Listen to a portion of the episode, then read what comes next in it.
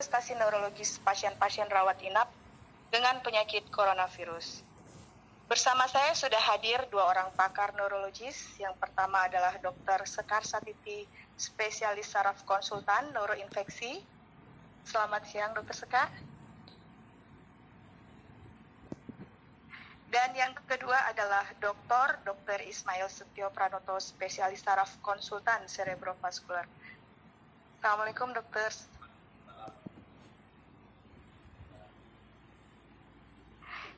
Ya baiklah para sejawat sekalian, seperti yang kita ketahui bahwa penyakit COVID-19 masih didominasi dengan keluhan-keluhan dan tampilan klinis gangguan saluran nafas.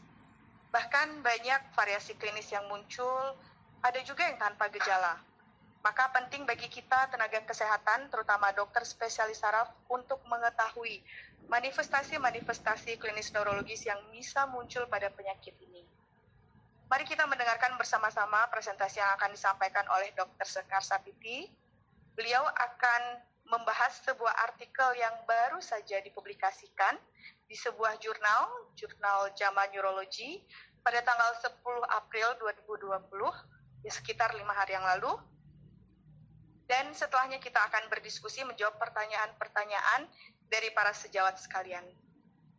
Sebelumnya saya akan membacakan medical disclaimer bahwa webinar ini bertujuan untuk mengkaji informasi penelitian terkini tentang COVID-19 yang terus berkembang setiap saat dan kajian ini tidak ditujukan untuk memberikan rekomendasi keputusan medis.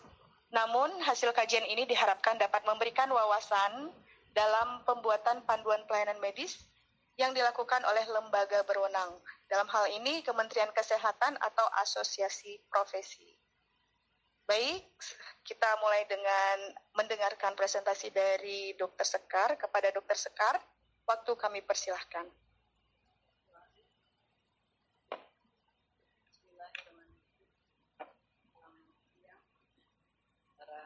Sekalian.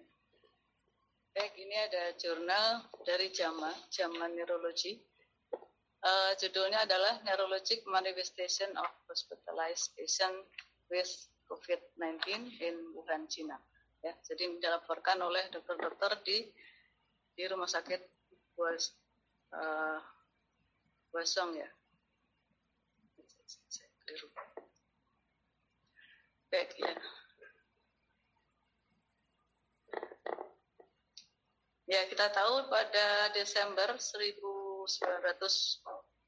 2019 uh, mulai pandemi pandemi dari COVID-19 di seluruh dunia ya. Uh, dan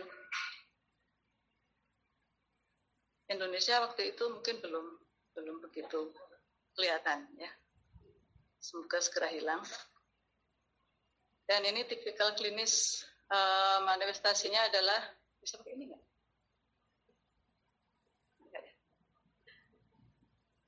Yang tipikal yang khasnya itu adalah fever, demam, kemudian batuk, diare, dan fatik atau anoreksia. Anoreksia juga bisa masuk di sini. Dan selama ini kasus neurologi manifestasi yang berhubungan dengan saraf itu belum belum dilaporkan. Di sini kita akan melihat apakah ada kasus neurologi yang menyertai COVID-19. Objektifnya adalah untuk me, untuk me, melacak manifestasi neurologi akibat COVID-19. Ya. Baik, lanjut. Metodenya adalah retrospektif dan observational study. Uh, sampling sampel diambil dari bulan Januari 16 2020 sampai Februari 19 2020. Ya, jadi ini diambil di tiga center uh, perawatan COVID di Wuhan, Cina. Uh, yang dikoordinasikan oleh Hospital Hwasong University of Science and Technology. Baik. Sampelnya adalah 214 pasien COVID yang positif, jadi di, di berdasarkan PCR. Uh, jadi confirm ya, jadi sudah confirm 19 apa COVID-19 dari uh, swab swab throat ya dari pharynx, nasopharynx. Kemudian data juga diambil, uh, kemudian juga uh, ini maksud saya ini uh, sudah di ACC oleh komite etik di sana. Dan data koleksi, ya di sini koleksinya diambil dari, ya saya lupa mencet ini, diambil dari medical records, jadi elektronik medical records, kemudian dari catatan medis, eh, medis rawat, laboratorium, dan radiologic examination, misalnya CT scan atau CT thorax. Dan subjektif simptomnya eh, didapatkan yang yang normal, yang tidak tidak penuh sadaran ya, penuh sadaran tidak bisa diajak omong ya. ya. Dan untuk yang data-data yang tidak uh, tercover di rekam medis, kita kita uh, di apa diambil dari dari keluarga, dari healthcare clinician atau dari pasien itu sendiri. Ya, kemudian uh, semua manifestasi neurologis dikonfirm oleh dua dua trainer neurologis ya, residen ya ini ya. Uh, jadi dibagi tiga kelompok, central nervous system manifestasi. Jadi termasuk di sini headache, uh, kurang sadaran, stroke ya, acute cerebrovascular disease, ataxia dan seizure. Kemudian yang peripheral nervous system manifestasi uh, yang dicatat adalah taste impairment, impairment, smell impairment, vision impairment, dan nerve pain. Kemudian yang terakhir adalah kelompok grup skeletal muscle injury manifestation. Jadi semua manifestasi ini di, ditentukan dari subjektif simptom dan pemeriksaan yang terbatas ya karena pada saat pandemi itu sangat dibatasi penggunaan eh, radiologi Lumbal fungsi juga dibatasi karena ditakutkan untuk cross infeksi dari tempat lain. Next, kemudian ya ini hasilnya adalah pada tabel 1 oh, itu sangat kecil sekali ya. Di sini tampak usia di atas 50 tahun itu menduduki peringkat pertama. Jadi untuk yang penderita COVID-19 Kemudian jenis kelamin ini yang banyak adalah wanita. Komorbiditas yang didapat adalah yang bermakna ini adalah hipertensi. Meskipun diabetes juga ada kasusnya, kemudian kardiak atau cerebrovascular disease juga ada, kemudian malignansi atau atau uh, ginjal juga ada, ya.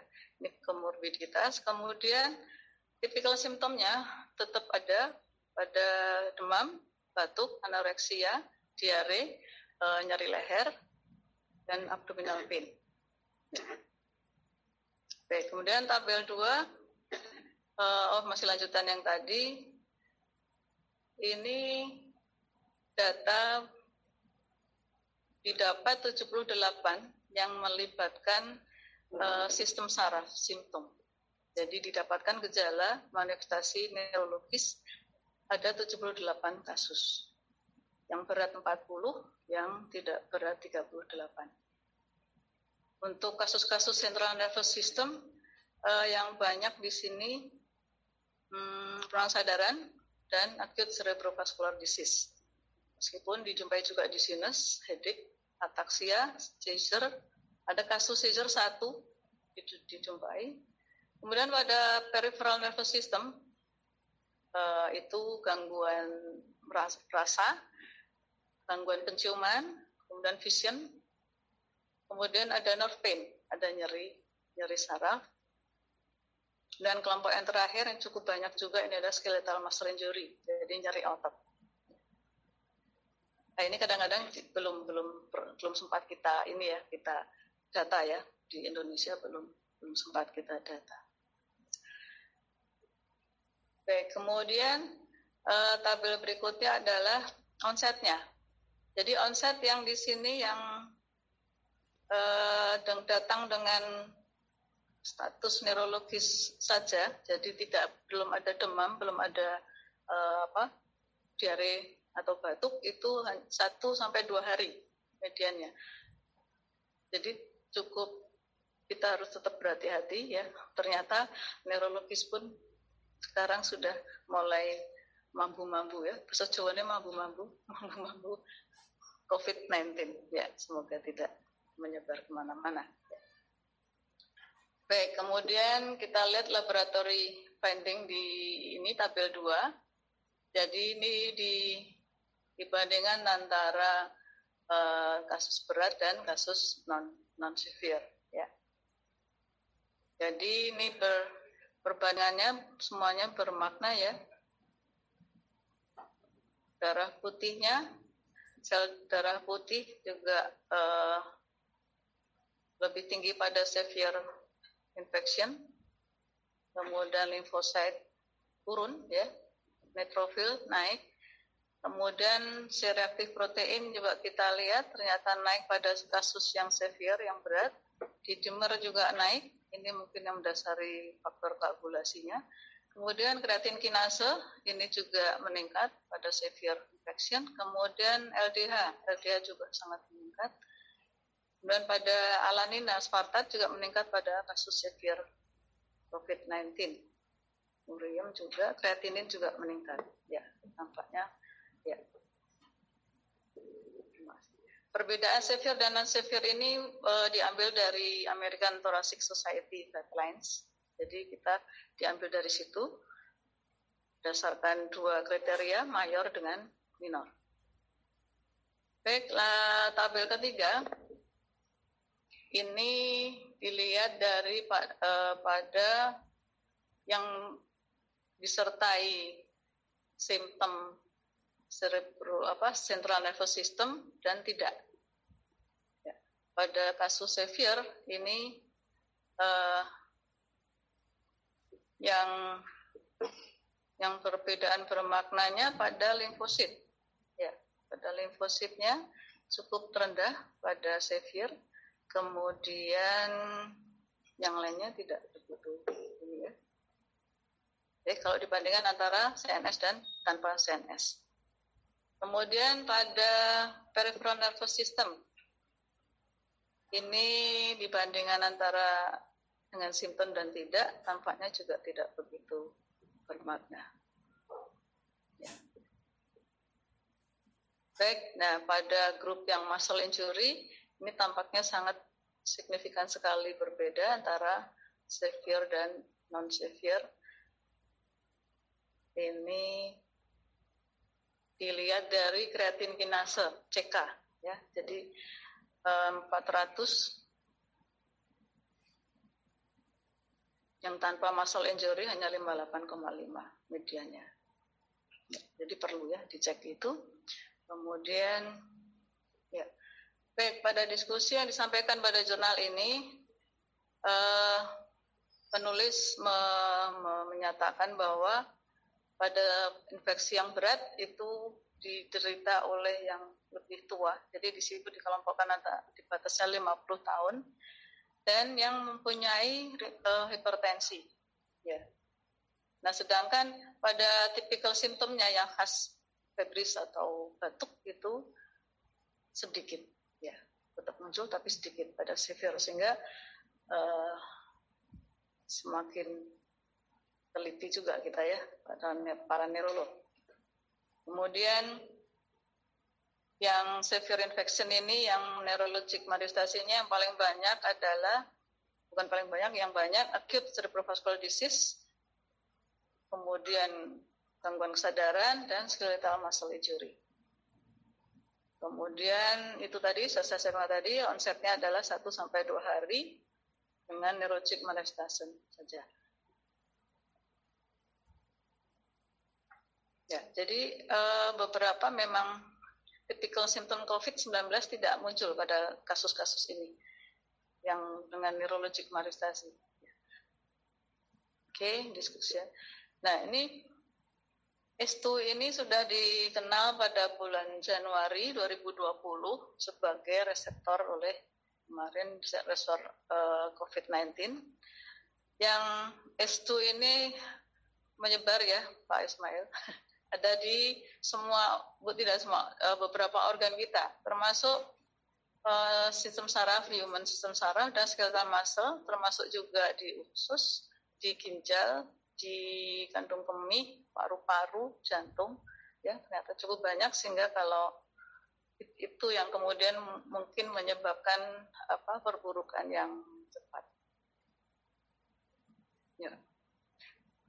Pada otopsi di sini disampaikan bahwa eh, pada otak dijumpai hiperemis dan pudin, ya, dan dan terkait juga degenerasi neuron.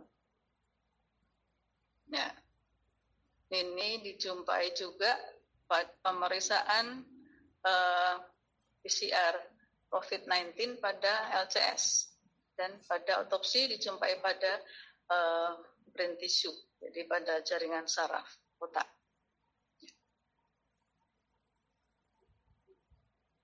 Ya, jadi central nervous, central nervous system ternyata me, apa, uh, apa hasil yang apa ya neurology injury di COVID ini yang central nervous system ya ternyata yang dominan adalah itu dan patologisnya jadi kemungkinan uh, sampai ke sistem saraf bisa melalui hematogen atau melalui retrograde neural root. Jadi uh, lewat neuro langsung ke sistem saraf yaitu yang paling terbuka adalah nervus 1 jadi lewat hidung.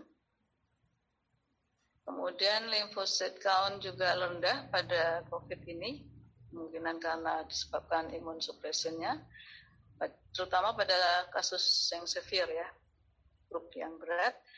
Kemudian pada severe patient juga dijumpai peningkatan di dimer level. Ini mungkin sebagai penyebab dari uh, stroke yang ada.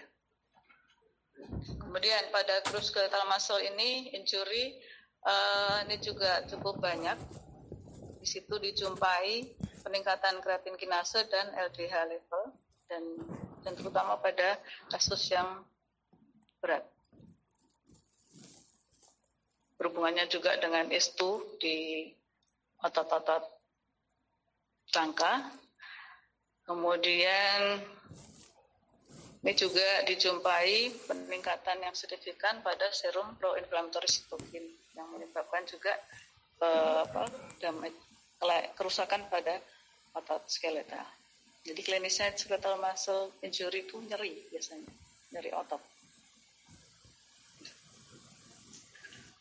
Baik disebutkan oleh penulis di sini per, apa uh, limitasinya jadi hanya di, hanya yang dinilai 214 pasien. Ya. Kurang ya, kurang banyak untuk suatu observational study.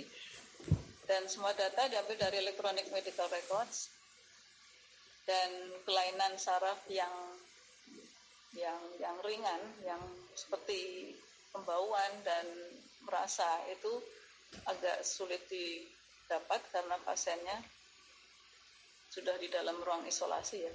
Jadi agak susah ditanya. Kemudian ini difficulty to assess the effect of this neurochemical manifestation juga susah karena outcome, outcome-nya karena pasien masih dirawat sampai sekarang sampai selama studinya. Ya kemudian selama pandemi COVID-19 ini beberapa pemeriksaan misalnya MRI, lumbal fungsi dan elektromiografi untuk mendukung kasus-kasus neurologi selam, uh, sementara dihindari karena untuk menurunkan penyebaran infeksi. Ya, kesimpulannya adalah uh, SARS COVID-19 uh, bisa menyerang sistem saraf ya dan sistem otot. Sebagaimana juga menyerang traktus respiratorius. Pada grup yang severe manifestasi neurologisnya adalah termasuk cerebrovascular disease ya jadi yang tidak disangka oleh kita ya. Kemudian kurang sadaran kalau ini banyak ya dan skeletal muscle injury. Kemudian uh, ini mungkin berhubungan dengan itu ya dengan cerebrovascular disease ya untuk uh, pemburukan yang cepat. Jadi mas berarti sudah perlu kita kita terlibat ya neurologis neurologis uh, cukup cukup lumayan banyak kasusnya berarti 36, berapa tadi 4 persen ya dari 214 kasus yang ada. Ya terima kasih dan alhamdulillah semoga bisa uh, menambah wawasan kita. Ya kembalikan ke Bu Moderator. Baik, terima kasih sekali Dokter Sekar atas presentasinya yang sangat menarik. Jadi uh, dari sini kita bisa mengetahui ternyata manifestasi klinis dari kit COVID-19 ini sudah juga uh, masuk ke dalam ranah neurologis dan sudah ada laporan yang terkait. Di sini ada beberapa poin yang saya tadi bisa uh, rangkum, yaitu ternyata memang dari manifestasi klinis yang bisa terjadi pada pasien-pasien COVID itu bisa menyerang sistem saraf pusat, kemudian sistem saraf tepi, di mana manifestasinya sekitar 36,4 persen ya dokter Sekar ya. Kemudian untuk manifestasi sistem saraf pusat bisa berupa dizziness, kemudian rasa nyeri kepala, gangguan penurunan kesadaran, ataksia, dan juga seizure yang bermakna di sini di dalam jurnal yang tadi sudah disampaikan oleh Dr. Sekar yaitu penurunan kesadaran. Sementara gangguan pada sistem saraf tepi yang mungkin akan muncul yaitu gangguan penciuman, gangguan perasa, gangguan penglihatan, nyeri saraf, uh, dan juga nyeri pada otot-otot skelet yang termasuk bermakna nyeri pada otot-otot skelet. Dominasinya masih tetap di sistem saraf pusat MS.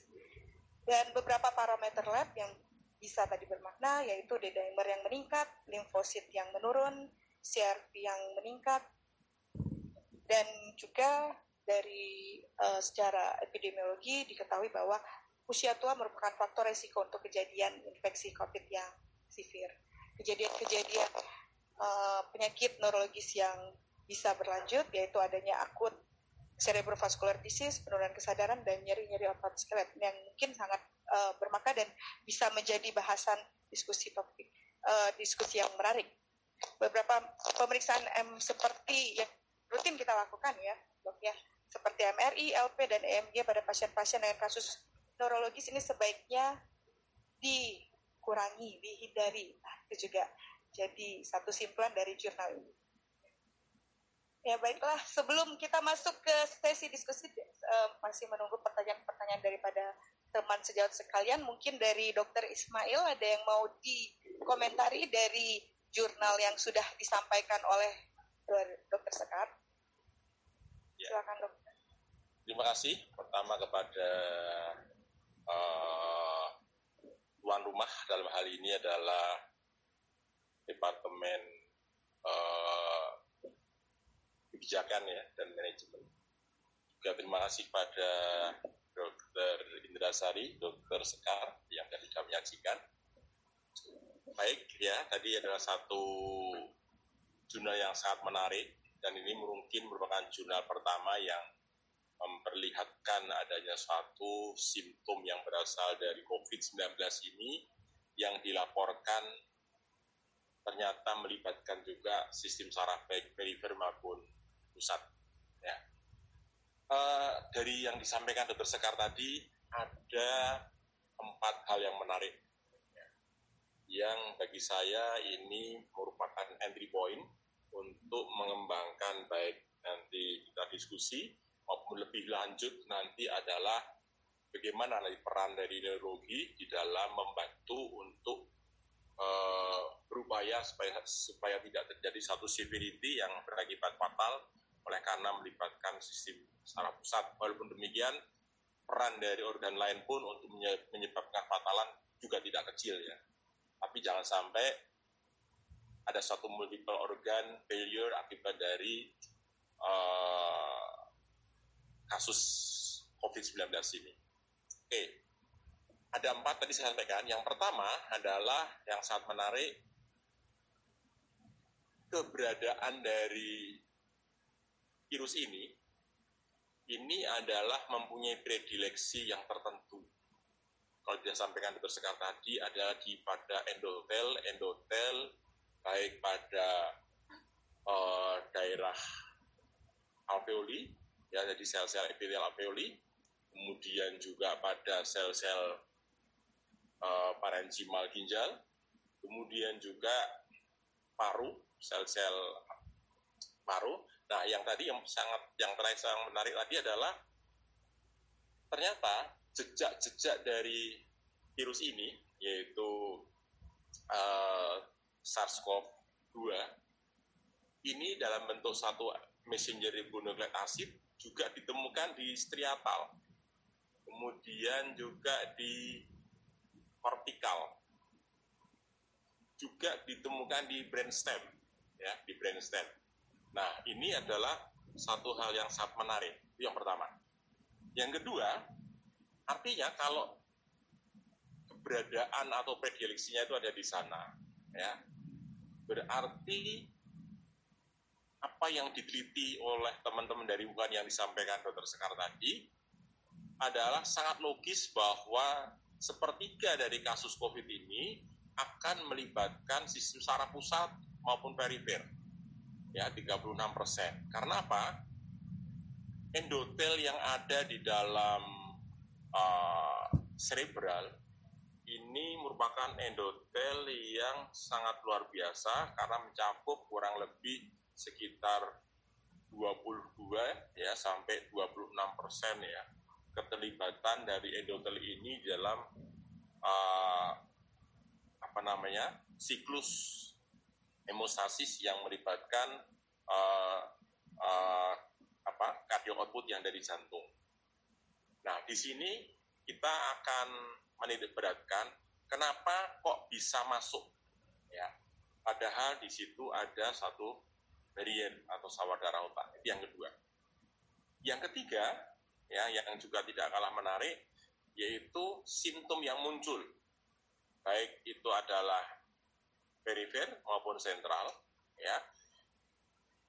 Ini tadi dijelaskan, tetapi simptom ini bisa bersama-sama, bisa satu persatu, bahkan mungkin juga serentak bersama-sama dengan simptom lain di luar organ otak.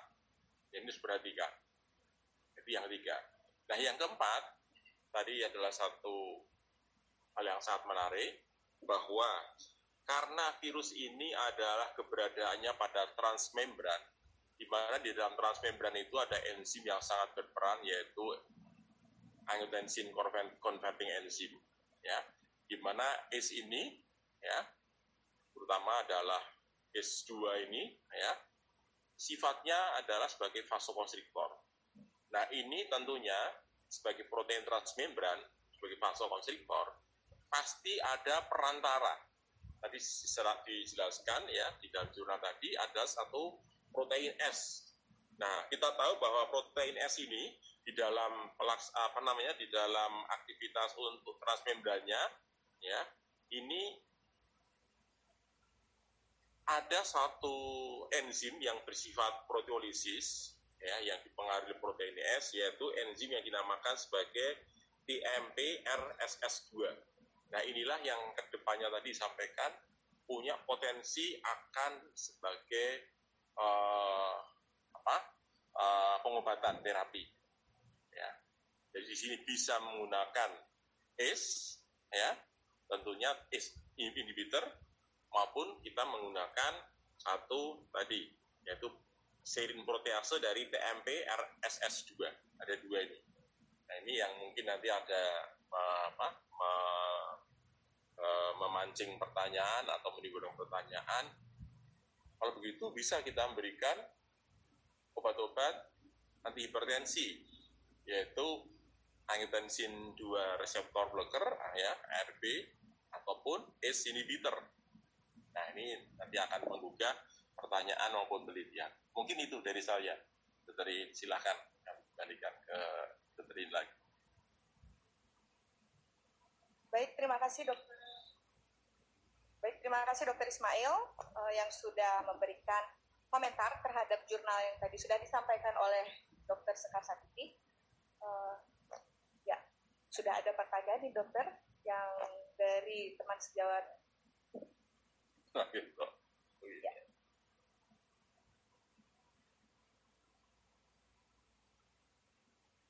Sudah ada pertanyaan yang muncul? Kita mulai saja ya dok ya, sesi diskusinya. Uh, pertama untuk dari Wiwit Ida Cahyani, izin bertanya dok, izin bertanya dok untuk skeletal muscle injury dengan manifestasi nyeri. Apakah ada pilihan obat khusus yang dapat diberikan untuk kasus anosmia? Apakah temporary atau permanen ya dok? Ya, ini mengenai uh, salah satu tadi dari simptom atau gejala yang ini disampaikan yang adalah ya, ya sistem uh, ya. skeletal muscle injury di mana kemudian kalau misalnya ya, saya rasa ini langsung dijawab oleh Bu moderator karena di bidang ahlinya. Monggo Bu, oh, baik. Terima kasih dokter.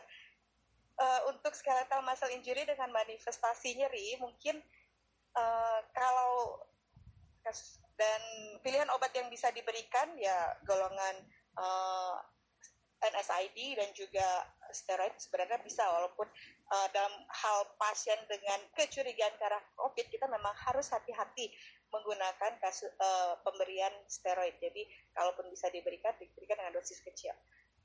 Uh, untuk kasus anosmia apakah temporari atau permanen? Nah, ini juga sebenarnya membutuhkan satu uh, studi lebih lanjut apakah karena sampai sekarang kita pun belum belum menemukan adanya pasien-pasien uh, yang dengan gejala anosmia atau ya masih masih harus di uh, diskusikan lebih lanjut dan di di diamati. Karena kemungkinan permanen mungkin kecil ya dok ya. Temporary uh, bisa tergantung kerusakannya sih memang ya. Jadi kalau misalnya severe ya dia bisa mungkin permanen dan membutuhkan waktu yang lebih lama untuk recovery. Tapi kalau kelainannya gejala anosmianya lebih mild ringan ya bisa recovery dengan lebih baik sebenarnya mungkin itu kemudian ada yang ingin ditambahkan dari dokter Sekar mungkin silakan dok kalau mungkin tidak terapi kita... cukup cuman mungkin kalau untuk recovery lebih cepat diberi ini apa uh, mecobalamin mungkin bisa membantu enggak ya Iya di obat-obatan neuroprotektan. Iya, kan, neuroprotektan. Ya. Sebenarnya yang menarik untuk dibahas juga sebelum kita sampai ke uh, kita lanjut dengan pertanyaan kedua adalah penggunaan steroid dalam kasus-kasus neurologis ya. dengan kecurigaan COVID. Kalau tadi disinggung skeletal muscle injury, bagaimana dengan uh, penggunaan steroid pada kasus-kasus dengan uh, kecurigaan uh, central nervous system. Di situ kan dibutuhkan penggunaan dosis steroid yang lebih besar. Mungkin yeah. ada ada masukan dari dokter Sekar? Uh, Muhammad Reza ya. Jadi steroid jadi yang dianjurkan metilprednisolon, uh, tapi itu diberikan hanya kalau ada kecurigaan tekanan gerah, peningkatan tekanan intrakranial. Ya, jadi bisa meningitis, bisa encephalitis ya, tetapi harus uh, kita apa ya suspek ya suspek uh, bahwa ini uh, kemungkinan ada peningkatan intrakranial. Karena pada divisi paru sendiri juga memakai methylprednisolon tetapi dengan dosis yang 62 rendah 62,5 mg itu untuk parunya. Nah, kalau sudah muncul gejala tanda-tanda uh, peningkatan tekanan intrakranial kita usulkan untuk memberikan dosis 125 mg per 6 jam. Demikian Pak Reza. Ya, jadi sebenarnya masih bisa diberikan dengan eh, pertimbangan-pertimbangan uh, khusus. Tetap kita sebagai klinisi memikirkan resiko, risk and benefit pada pasien-pasien yang kita tangani. Berikutnya pertanyaan dari Muhammad Reza, izin bertanya, bagaimana regulasi penggunaan steroid pada kasus ya? Uh, kemudian ya ini menjawab tadi ya dok ya iya. sekalian ternyata. Baik. Berikutnya dari pertanyaan yang lain mungkin sudah ada? Oh ada yang ada yang ingin langsung bertanya?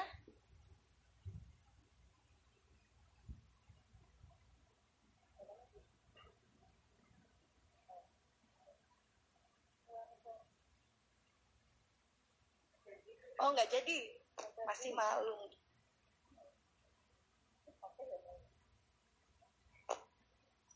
Masih malu mungkin ya bertanya. Jangan malu-malu, ini adalah kesempatan. Uh, mungkin dari teman sejawat sekalian ada yang ingin ditanyakan uh, dalam keseharian prakteknya. Ya, baik. Berikutnya, ya ini ada yang angkat tangan lagi, tapi siapa yang namanya?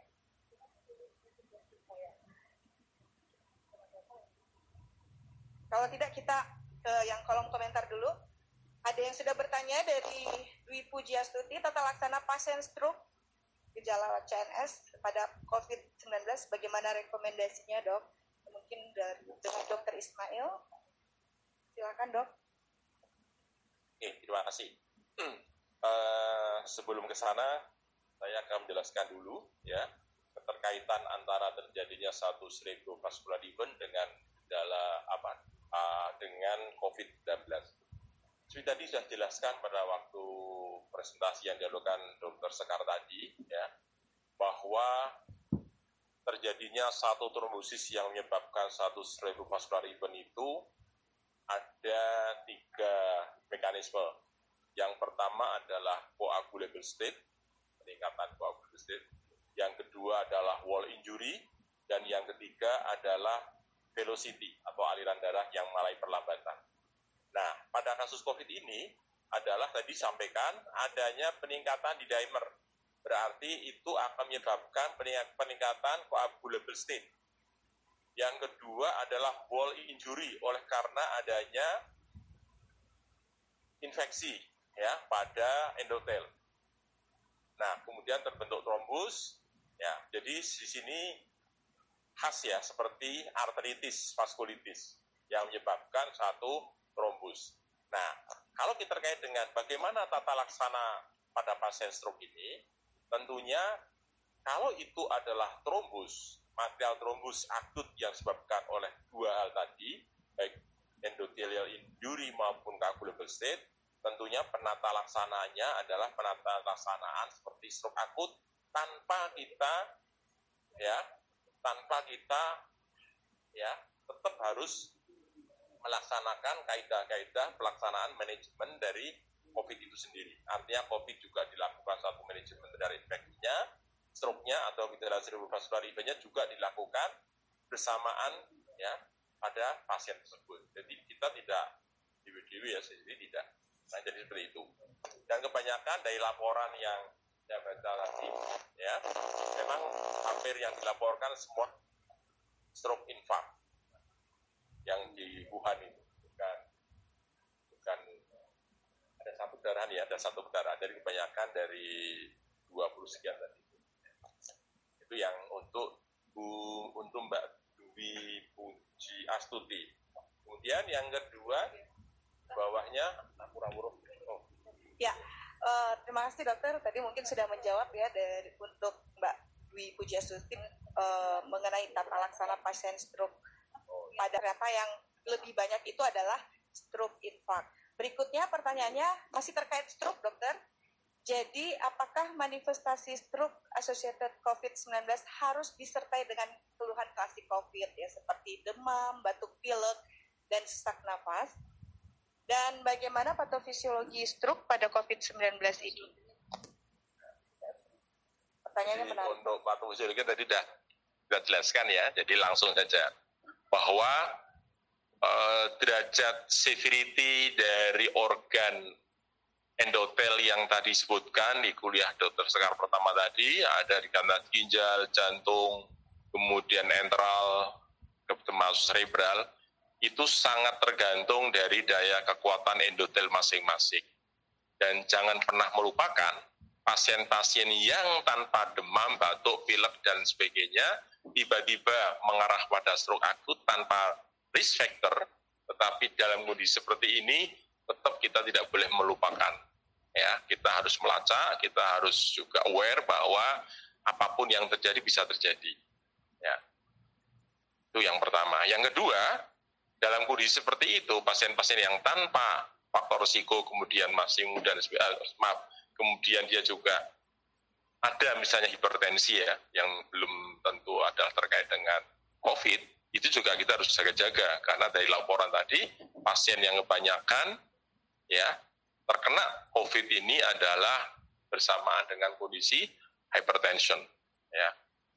Nah, tentunya harus jangan melupakan bahwa organ lain juga bisa terlibat. Saya kira itu ya. Saya kembalikan ke Dokter Rin. Ya, terima kasih Dokter Ismail. Jadi pada pasien-pasien stroke jangan uh, dilupakan ada faktor komorbid di sana. Usia tua juga mungkin berperan ya dok ya karena pasien-pasien stroke biasanya juga lebih banyak terjadi pada usia yang lebih tua. Kemudian uh, faktor resiko stroke-nya itu sendiri bisa jadi komorbid untuk uh, kejadian COVID-19 ini seperti hipertensi, kemudian diabetes mellitus dan dan itu juga bisa menyebabkan uh, kejadian COVID-19 yang didapatkan pada pasien tersebut bisa ke arah yang severe sehingga memang harus uh, kita waspadai bersama.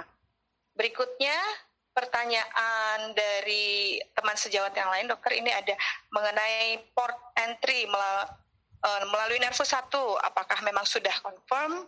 Apakah bisa di share artikel yang membahas mengenai hal tersebut?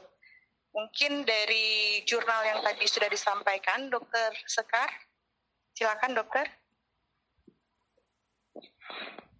Uh, kalau confirm belum. Jadi ini baru uh, perkiraan. Jadi uh, di karena banyaknya kasus uh, di, di di jurnal yang lain di, dilaporkan uh, banyaknya kasus gangguan apa penciuman. Kemudian terus kemud, uh, kita di, diperkirakan apa diasumsikan bahwa kemungkinan lewat situ mungkin mungkin juga bisa karena pada herpes simplex 1 itu juga penularannya bisa lewat retrograd dari neuron dari nervus 1. Nah ini apakah itu sama sifatnya kita belum tahu karena kalau HSV 1 kan DNA virus ya kalau pada COVID-19 itu RNA virus ya baru baru baru ya baru diteliti mungkin moga-moga ada yang meneliti ya. ya. Demikian Mas Maula ya. Iya baik Mas. Dokter Sekar. Jadi memang uh, topik dan uh, pembahasan mengenai manifestasi neurologis dengan dikaitkan dengan COVID ini masih membuka suatu ruang uh, penelitian yang sangat besar karena banyak, masih banyak hal yang perlu dikonfirmasi. Dan jawaban-jawaban dari pertanyaan yang di dari teman sejauh sekalian atau mungkin dari diskusi-diskusi kita ini memang butuh suatu uh, penelitian yang lebih lanjut untuk mengkonfirm apakah uh, memang seperti itu atau tidak. Dan ke betul dan ke memang hmm, uh, uh, COVID-19 ini sangat dinamis ya dok ya. Jadi uh, selalu ada perubahan-perubahan dan keterbaruan-keterbaruan. Jadi kita mengikuti juga dari studi-studi uh, yang sudah dilakukan dan memang masih membuka ruang untuk melakukan penelitian. Jadi bila teman sejawat sekalian dari uh, berminat bisa dijadikan dan diolah untuk data penelitian. Baik, berikutnya pertanyaan dari uh, suprapti, supraptiningsih ya mengenai apakah ada kemungkinan tipe dari COVID-19 yang berbeda dengan tipe yang menyerang traktus respiratorius. Jadi apakah COVID-19 yang mengenai sistem saraf pusat atau sistem saraf tepi, sistem saraf ini berbeda varian attu tipenya dengan yang menyerang traktus respiratorius. Bagaimana dokter Sekar mungkin? Ya, saya komentar dulu ya. Dr. Suprapti Ningsih, SPS. Jember. Selamat datang. Uh, kalau menurut jurnal ini dan ada jurnal lagi yang di ada kasus laporan kasus di Jepang itu uh, dari penelitian PCR COVID-19-nya itu sama. Jadi di uh, yang di paru, yang di apa nasofaring ya, swab nasofaring dan juga di LCS itu didapatkan dari hasil PCR ya itu sama COVID-19 ya. Nah apakah ini di semua tempat sama kita belum tahu juga ya mungkin sesuai Bu Iin tadi sebagai moderator menyampaikan bahwa ini masih akan berkembang terus karena kasus demi kasus mulai memunculkan memunculkan gejalanya yang lengkap ya. Demikian Pak Ismail ada tambahan? Uh, jadi betul yang disampaikan Dokter Sekar tadi ya. Cuma jangan lupa bahwa uh, ini kan satu apa namanya spesies dari virus ini kan macam-macam ya. Saudaranya ini kan ada sekitar 30-an ya. Yang sangat terkenal itu adalah uh, apa namanya uh, HCO, has, has, has, HCOV NL63, kemudian SARS-CoV yang menyebabkan SARS dan SARS-CoV-2 yang menyebabkan COVID-19. Nah, di sini untuk yang COVID-19 ini dilaporkan berdasarkan satu pemeriksaan PCR tadi sampaikan bahwa sama ya. Nah, tapi yang sangat menarik bahwa untuk uh, central nervous system ya bekas-bekasnya tadi yang dalam bentuk satu apa namanya uh, mRNA tadi itu ternyata dijumpai pada daerah-daerah tertentu di otak yang predileksinya tertentu. Batang otak sukanya di situ, triatum dan kortek. Ini saya nggak tahu uh, kenapa kok paling banyak adalah di daerah tersebut. Mungkin itu, ya. Ya, terima kasih Dokter Ismail. Uh, berikutnya pertanyaan dari Semoga tadi jelas ya Dokter Supraptining sih mengenai apa yang sudah disampaikan oleh Dokter dan Dokter Sekar.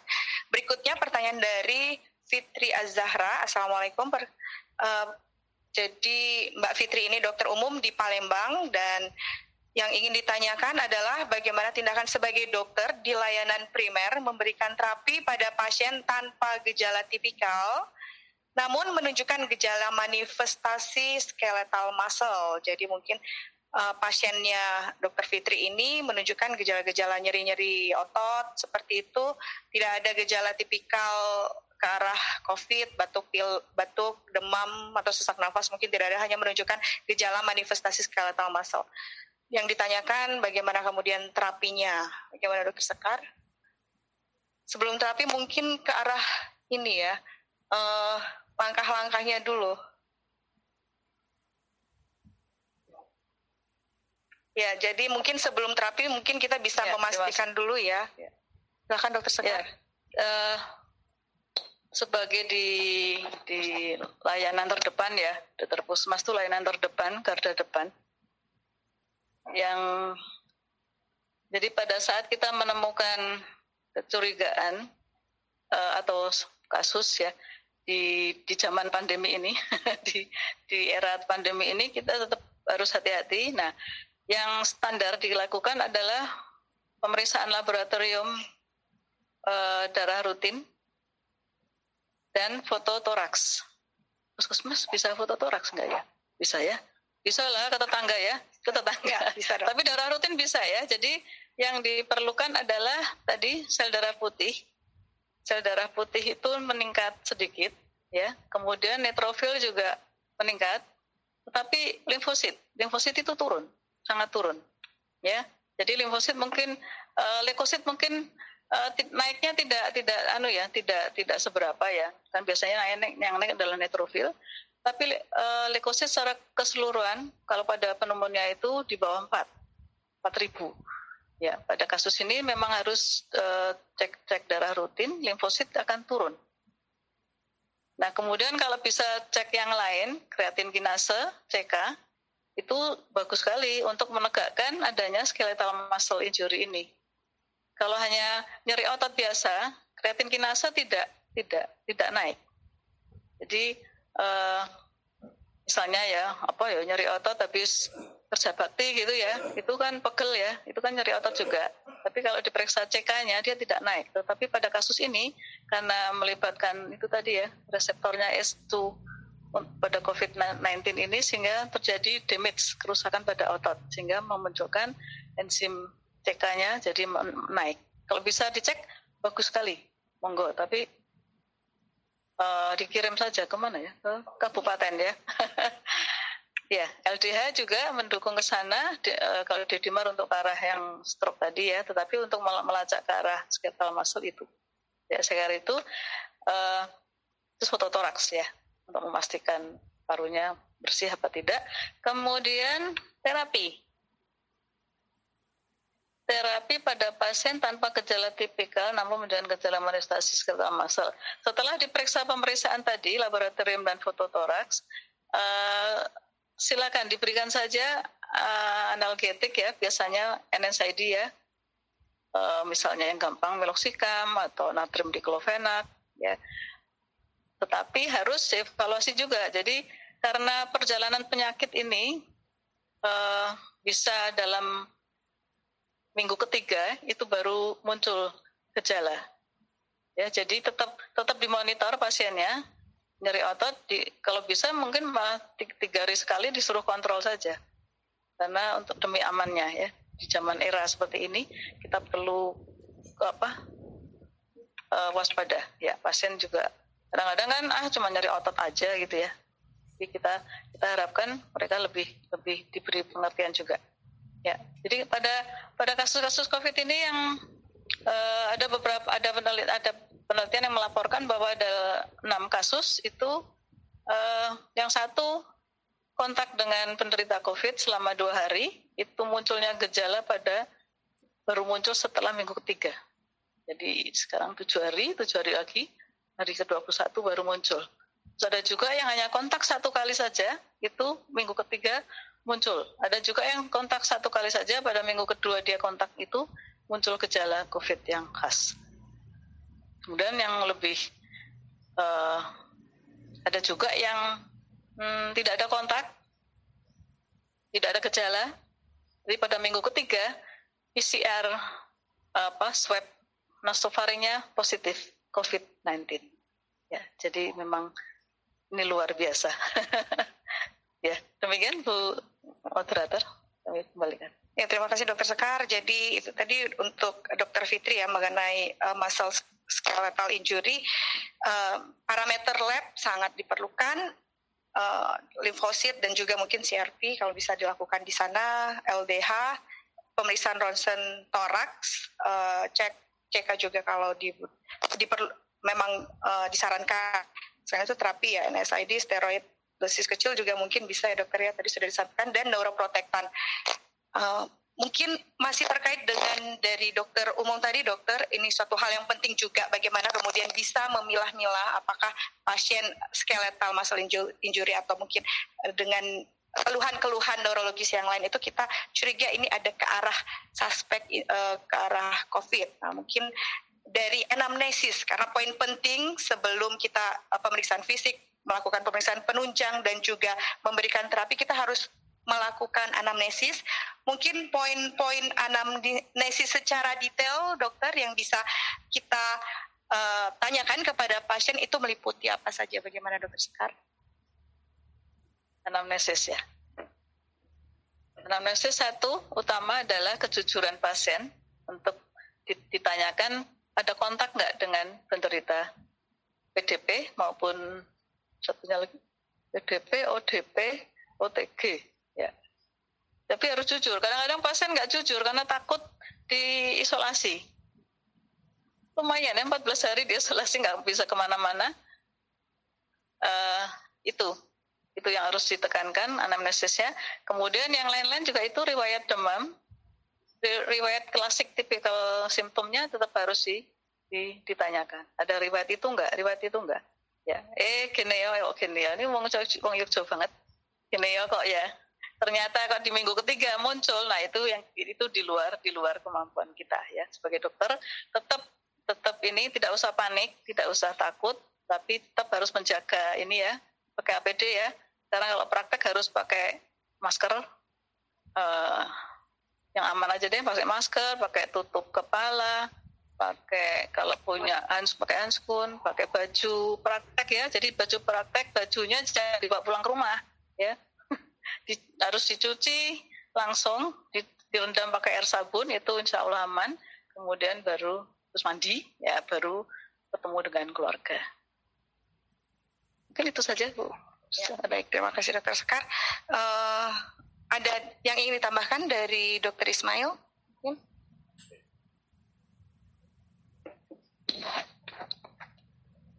Nah ini tadi mengenai meningitis tadi ya, yang muncul uh, tanpa apa namanya uh, gambaran swab dari yang pertama negatif ya, kemudian yang kedua dari LCS positif. Ini sangat menarik ya. Berarti ada sesuatu predileksi utama yang terlewatkan, tetapi langsung masuk ke dalam, artinya dia langsung menembus satu brain, brain barrier.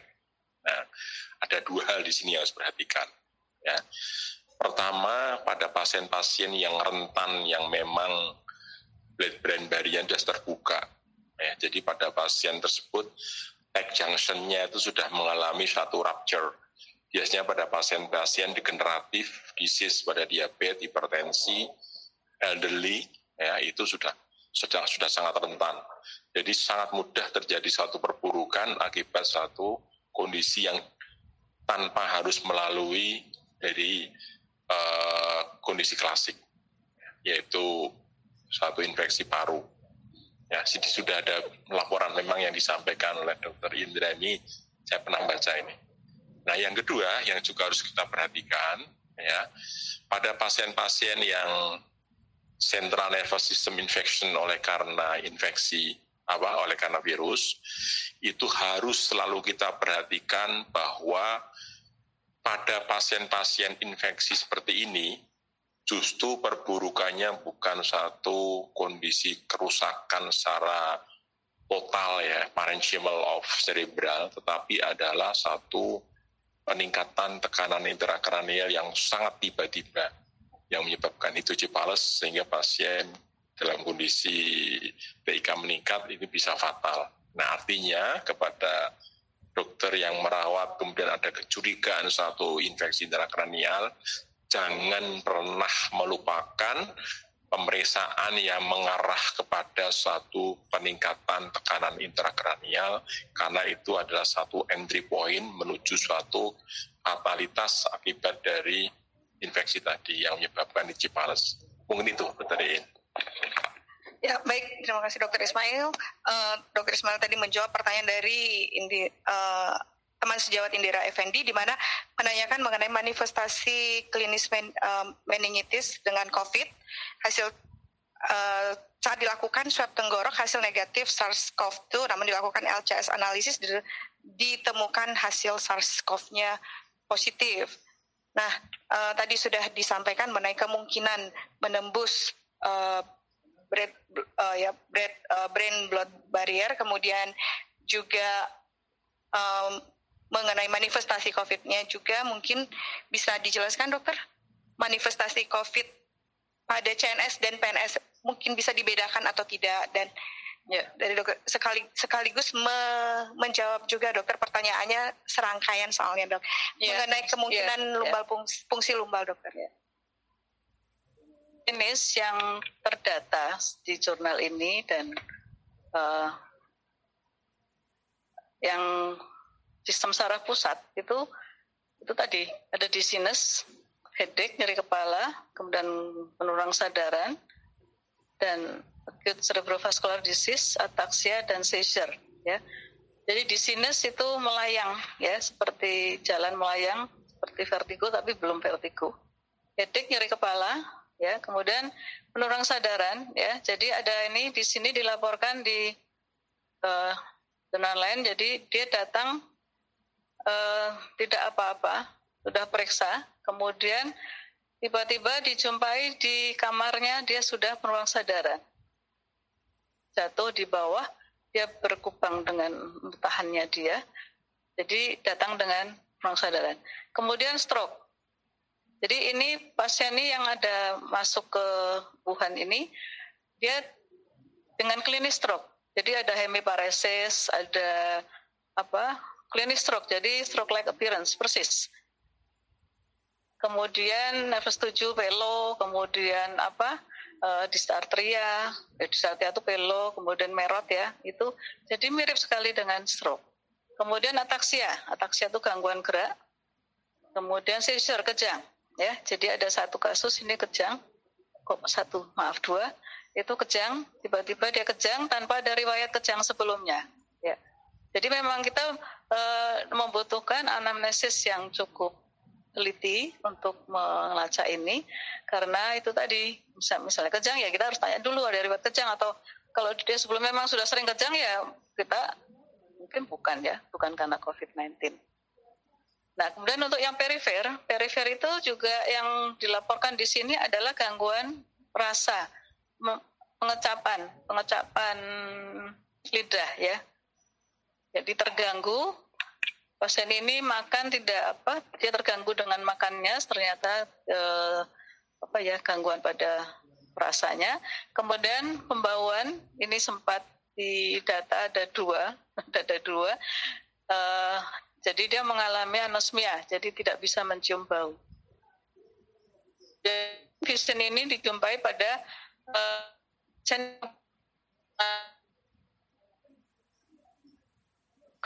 jadi ini infeksi kita harus waspadanya apa? Uh, gejalanya adalah tiba-tiba. Jadi tidak bokosit ya bokosit. Sedikit-sedikit misalnya kayak kalau katara kan sedikit-sedikit ya. Burak-burak burak lama-lama berurut ya. Tapi ini tiba-tiba, tiba-tiba seperti kita uh, apa di dalam mobil hujan deras itu ya kabur ya seperti itu atau juga bisa kalau gelap juga bisa kemudian nerve pain nerve pain itu seperti contohnya isialgia ya bisa juga brachialgia. Jadi nyeri nyeri pada pada pada saraf. Tapi uh, dasarnya adalah tiba-tiba. Dia selalu tiba-tiba. Kemudian skeletal muscle injury juga. Seperti tadi saya contohkan bukan kok terus habis kerja bakti terus nyeri otot ya. Yang sebelumnya nggak pernah kerja bakti kan karena karena takut malu sama tetangga jadi kerja bakti ya terus pegel-pegel itu bukan jadi tiba-tiba dia tidak apa-apa kan lagi kita semuanya kerja di rumah ya di rumah kan nggak ngapa-ngapain biasanya ya ya itu tiba-tiba dia nyeri otot yang nyeri otot yang sulit dijelaskan mungkin dengan terapi pun juga tidak berkurang secara signifikan dan nyeri ototnya eh, apa uh, agak agak meluas. Jadi tidak hanya bahu kanan saja, tetapi dia lebih bersifat sistemik. Jadi agak beberapa tempat yang uh, muncul nyeri. Ya, itu klinisnya. Uh, kemudian lumbal fungsi, lumbal fungsi kalau fasilitas rumah sakit mampu mengecek PCR COVID-19, silahkan Ya, tetapi kalau tidak punya fasilitas untuk ngecek itu tidak usah dilakukan. Ya, seperti pada kita tidak tahu apa kadar-kadar virus di LCS sangat tinggi atau lebih tinggi atau tidak di dalam daripada darah. Uh, kita kita kan belum tahu sehingga risiko risikonya sangat tinggi. Contohnya soalnya pada HIV, HIV itu virus kadar virus di dalam LCS itu tinggi, ya lebih tinggi dari uh, lebih tinggi dari tempat lain. Jadi sangat sangat risiko sekali kalau dilakukan lumbal fungsi. Kalau kita tidak punya uh, apa ya untuk ngecek PCR-nya, kan maneman ya sudah risiko tinggi, pasien juga dilakukan tindakan invasif. Terus kita juga, nah kalau mau LP ya harus pakai uh, eh, APD. APD level 3. Jadi pakai hazmat, pakai semua semua tertutup yang robot putih-putih itu loh. Kalau jangan pakai kuning ya, kalau kuning itu cleaning service ya. Kalau putih itu adalah dokter. Begitu Pak Indira Effendi. Ya baik dokter Sekar, terima kasih. Jadi yang menarik LP ya. Kalau berdasarkan dari jurnal ini itu uh, simpulan yang tadi disampaikan adalah memang sebaiknya harusnya dihindari ya dokter ya. Tapi memang bisa dilakukan hanya dengan tadi beberapa syarat yang uh, disampaikan oleh dokter Sekar. Jadi uh, dengan fasilitas rumah sakit yang uh, teman sejawat uh, itu sudah bisa memungkinkan nggak untuk dilakukan pemeriksaan untuk mendeteksi adanya ke arah COVID karena uh, resikonya juga untuk melakukan LP itu cukup tinggi. Kemudian jangan lupa penggunaan APD harus lengkap. Bahkan tadi disampaikan harus levelnya level 3 ya. Baik, berikutnya ada yang ingin bertanya secara langsung. Ini sudah ada yang ingin bertanya secara langsung, dokter. Jadi dari Erlina Wati. Ya, selamat siang. Oh iya, Mbak Erlinawati mungkin bisa mikrofonnya di unmute, mungkin bisa dibuka sehingga kami bisa mendengar suaranya. Selamat siang Mbak, Mbak Erlina.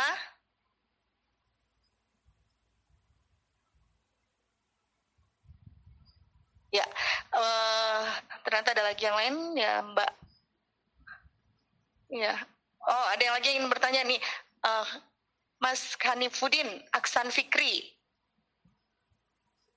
Ya, mungkin bagi teman sejawat yang ingin bertanya, jika ingin bertanya bisa speaker dari speakernya di tidak di mute sehingga kami bisa mendengarkan pertanyaan yang diajukan oleh teman sejawat.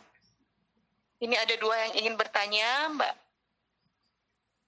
Oh, Mas Khanifudin Ahsan Fikri. Selamat siang, Mas. Belum terdengar ya.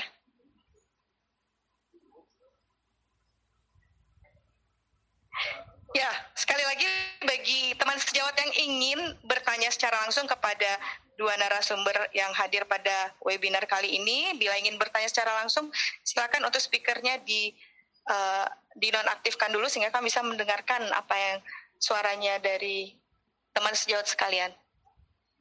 Bila tidak ada, mungkin dari komentar ada yang ingin ditanyakan lagi?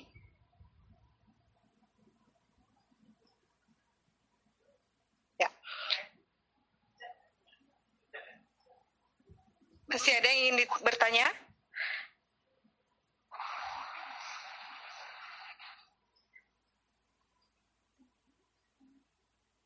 Oh, oh ya baik. Ada yang ingin bertanya secara langsung dulu mungkin ya, uh, Dokter Suprapti Ningsih. Assalamualaikum dok. Waalaikumsalam warahmatullahi wabarakatuh. Ah, sudah tersambung. Ya, assalamualaikum dokter. Bagaimana dokter? Waalaikumsalam warahmatullahi wabarakatuh. Terima kasih banyak. dokter. Ya. Iya. Uh, ini kalau di daerah untuk pemeriksaan tes itu COVID itu sangat sangat terbatas seandainya kita curiga uh, pasien dengan COVID di cerebral, untuk pemakamannya, karena itu katanya sama dengan virus yang menyerang traktus respiratoris. Apakah pemakamannya itu harus sesuai pemakaman COVID atau bagaimana? Terima kasih. Terima kasih dokter. Jadi ini bertanya mengenai protokol pemakaman pada pasien-pasien dengan kecurigaan COVID dan manifestasinya manifestasi neurologis. Baik, mungkin dokter Ismail bisa menjawab.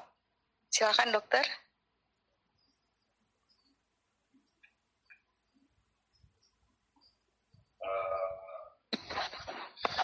saya kira sama saja ya yang tadi disampaikan tadi ya jadi uh, mungkin itu uh, yang tadi saya jelaskan oleh Dokter Sekar saya kira udah atau dari tadi memang seperti itu. Mungkin dari saya nggak ada tambah, tambahan. Ya, mengenai protokol pemakamannya pada pasien-pasien dengan gejala neurologis, tapi uh, menunjukkan kecurigaan ke arah COVID, sementara di daerah itu tidak bisa dilakukan pemeriksaan konfirmatif untuk COVID-nya ini. Jadi untuk protokol pemakamannya bagaimana apakah sama dengan eh, pasien-pasien curiga COVID lainnya? Ya, atau? makanya itu saya kira sama dengan protokol yang uh, ini menarik ya. UGM itu tiga hari yang lalu mengeluarkan buku saku kecil ya. Isu jelas sekali ada penjelasan-penjelasan detail yang mungkin bisa diterima. Mungkin nanti uh, akan kita share melalui grup alumni atau berdosi. Dokter saya sudah sudah anu dapat yang dari UGM. Nanti, ya, nanti saya anu, kita share nanti. Ya. Ya, baik Dokter Ismail. Dari Dokter Sekar ada tambahan mengenai protokol pemahaman mungkin?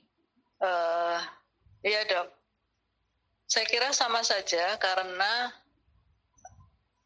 yang ketahuan kan baru baru baru LCS ya yang yang yang apa di swab juga negatif tetapi sampai saat ini kita belum tahu seberapa seberapa luasnya virus itu ya berada karena reseptornya juga berada di semua organ.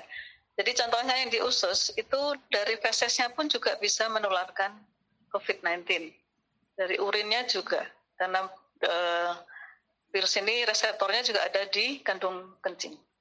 Jadi saya rasa lebih amannya di sesuai protap corona saja. Terima kasih. Ya, ya, baik terima kasih Dokter Sekar. Jadi mungkin memang uh, sebaiknya kehati-hatian dan kewaspadaan dari teman sejawat sekalian itu sangat penting, sangat diharapkan demi menjaga kesehatan dan keselamatan tenaga medis yang berada dan bekerja di rumah sakit teman sejawat sekalian juga. Sebagai informasi mengenai tes konfirmasi aktif COVID di uh, Yogyakarta bisa dilakukan di Rumah Sakit Sarjito sudah bisa dilakukan dan di UGM juga sudah ada dua laboratorium yang bisa melakukan tes konfirmasi untuk COVID ini dengan menggunakan real time PCR. Jadi bisa ber uh, menginformasikan kepada uh, center Rumah Sakit Sarjito atau dokteran sehingga kami bisa membantu untuk uh, mengkonfirmasi membantu memfasilitasi kalau diperlukan uh, pengiriman sampel dan uh, pelaksanaannya. Jadi di Jogja juga sudah bisa dilakukan, Jidok. Baik, berikutnya pertanyaan dari teman sejawat Dr. Anita. Ini menanyakan. Oh, ada yang angkat tangan lagi, baik. Ya, uh, saya diberiin. Ya, Cempaka, silakan Dokter Cempaka. Ya, baik. Baik, terima kasih. Sangat baik sekali. Uh, yang ingin saya tanyakan, untuk penanganan kejang pada pasien ini, bagaimana, apakah sama, terus bagaimana kelanjutan prognosisnya bila pasien uh, terdapat kejang? Berikutnya, apakah kita uh, perlu memeriksakan EEG-nya atau tidak? Uh, karena terkait dengan COVID. Terima kasih. Terin. Ya, baik, terima kasih Dokter Cempaka. Jadi Dokter Cempaka menanyakan mengenai uh, penanganan kejang dan juga prognosisnya pada pasien-pasien yang uh, dengan manifest pasien-pasien dengan kecurigaan COVID atau juga dengan COVID positif dan manifestasi klinisnya berupa kejang. Dan juga pemeriksaan EEG tentunya. Mungkin dokter Sekar bisa menjawab. Silakan dokter. Baik dokter Cempaka kalau sepanjang saya, saya baca bila ada kejang klinis kejang terapi sama sama penanganan kejang. pada penanganan kejang pada umumnya. Kemudian kalau EEG, ini saya rasa ini EEG termasuk yang harus hindari lebih dulu karena lebih lebih mementingkan keamanan dari dari dari tenaga medis. Ya. Itu saja Bu, ya. Ya. Ya, terima kasih Dokter Kar. Jadi EEG termasuk ya dok ya tadi sudah disampaikan pada saat pembahasan jurnal di mana beberapa pemeriksaan yang terkait dengan pemeriksaan yang sering dilakukan oleh teman sejawat neurologis, pemeriksaan MRI, LP, EMG itu sebaiknya disarankan uh, untuk dihindari, termasuk di sini mungkin EEG demikian. Berikutnya ada dari Dokter Anita ini kita uh, kembali ke Dokter Anita. Dokter Anita menanyakan uh, bagaimana saran untuk menghadapi kasus-kasus COVID di lapangan pasien-pasien mungkin tidak sedikit yang menyembunyikan data mengenai kontak dengan orang suspek atau confirm COVID-19 ataupun memang sulit mengetahui kontak karena banyak kasus COVID-19 yang asimptomatik. Nah, ini mengenai bagaimana realitanya pada pasien-pasien kita di lapangan terkait dengan pasien itu sudah uh, datang tapi tidak jarang menyembunyikan data mengenai mereka mungkin juga baru datang atau baru sampai baru sampai baru datang dari baru kembali dari red zone daerah-daerah uh, uh, yang yang zona merah dan juga uh, sudah ada kontak dengan orang yang suspek atau confirm COVID. Ini bagaimana dokter Ismail? Silakan dokter Ismail. Nah, baik ya. Uh, ada tiga hal ya tadi sudah singgung pertama ya, dibutuhkan suatu kejujuran yang sangat tinggi dari sangat pokoknya jangan sekali-kali menyembunyikan bahkan informasi detail yang terkait dengan perjalanan, kontak, kondisi di rumah, apa pun yang terjadi, kemudian tanda gejala yang subjektif itu harus sampaikan betul. Ya, itu pertama.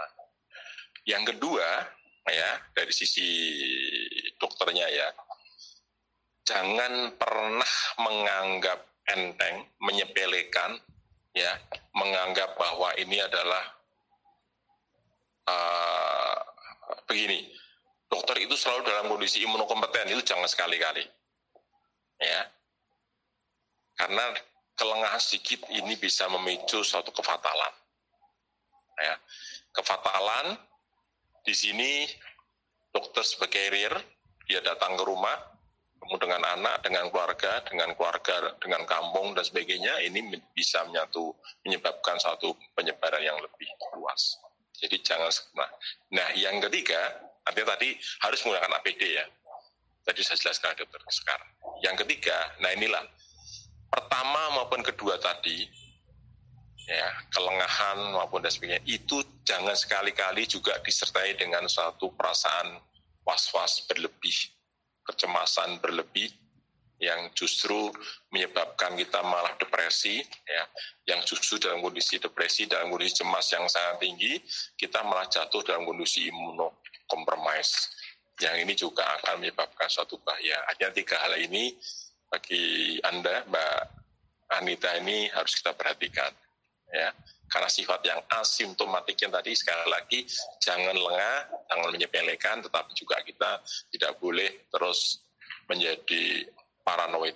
Itu saya Ya, masih berhubungan mungkin Dokter Ismail mengenai pasien-pasien yang menyembunyikan data itu Dokter Ismail. Sejauh ini apakah sudah ada aturan-aturan hukum yang kemudian memberikan sanksi pada pasien-pasien atau masyarakat yang menyembunyikan data mengenai keterlibatannya dengan uh, orang-orang yang mungkin ke arah COVID, suspek COVID ataupun sudah positif COVID, itu bagaimana dokter? Kalau hukum ini kan bukan satu delik kriminal ya, ini lebih satu sanksi sosial ya. Nah, tetapi pengaruhnya bisa lebih fatal daripada satu delik kriminal ya.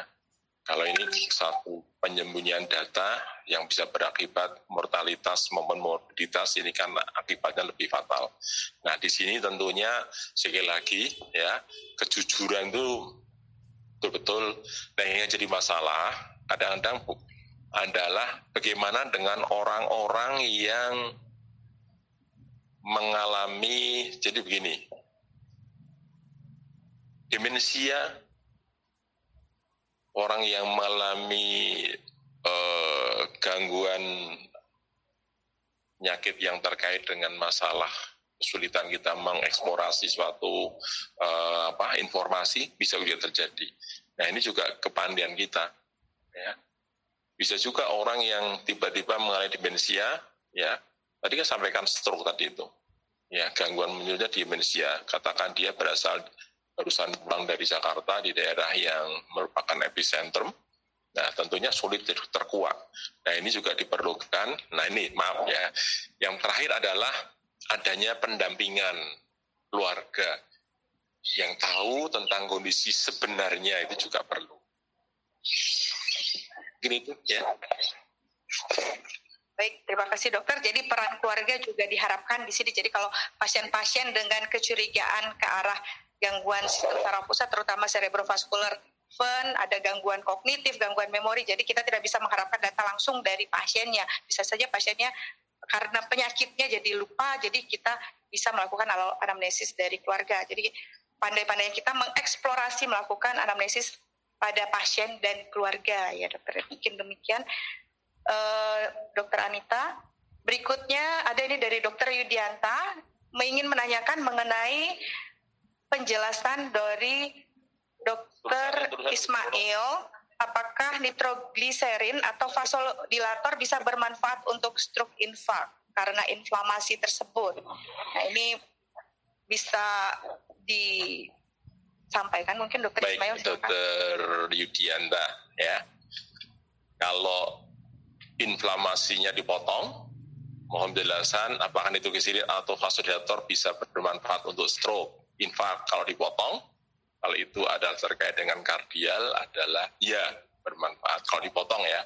Tapi di belakangnya adalah ada inflamasi. Apalagi kalau di belakangnya lagi adalah inflamasi oleh karena COVID. Nah, ini yang akan saya jelaskan sedikit ya, bahwa ACE2 ini itu adalah suatu enzim yang merupakan berfungsi sebagai entry point membawa masuknya ya berkembangnya ya replikasinya virus RNA ini, kemudian dia akan melakukan penggandaan diri dan sebagainya sehingga akan masuk dalam tubuh secara menyeluruh. Utamanya adalah melalui endotel, ya. Nah, endotel yang disukai adalah endotel-endotel yang tentunya karena mRNA di sini adalah endotel-endotel yang kaya protein, ya yang terkait cepat sekali terjadi satu distribusi protein. Nah, tentunya adalah endotel-endotel tadi di enteral, pembuluh darah, ya di otak, di jantung, di paru, ya itu adalah daerah-daerah yang disenangi. Nah, yang kedua bahwa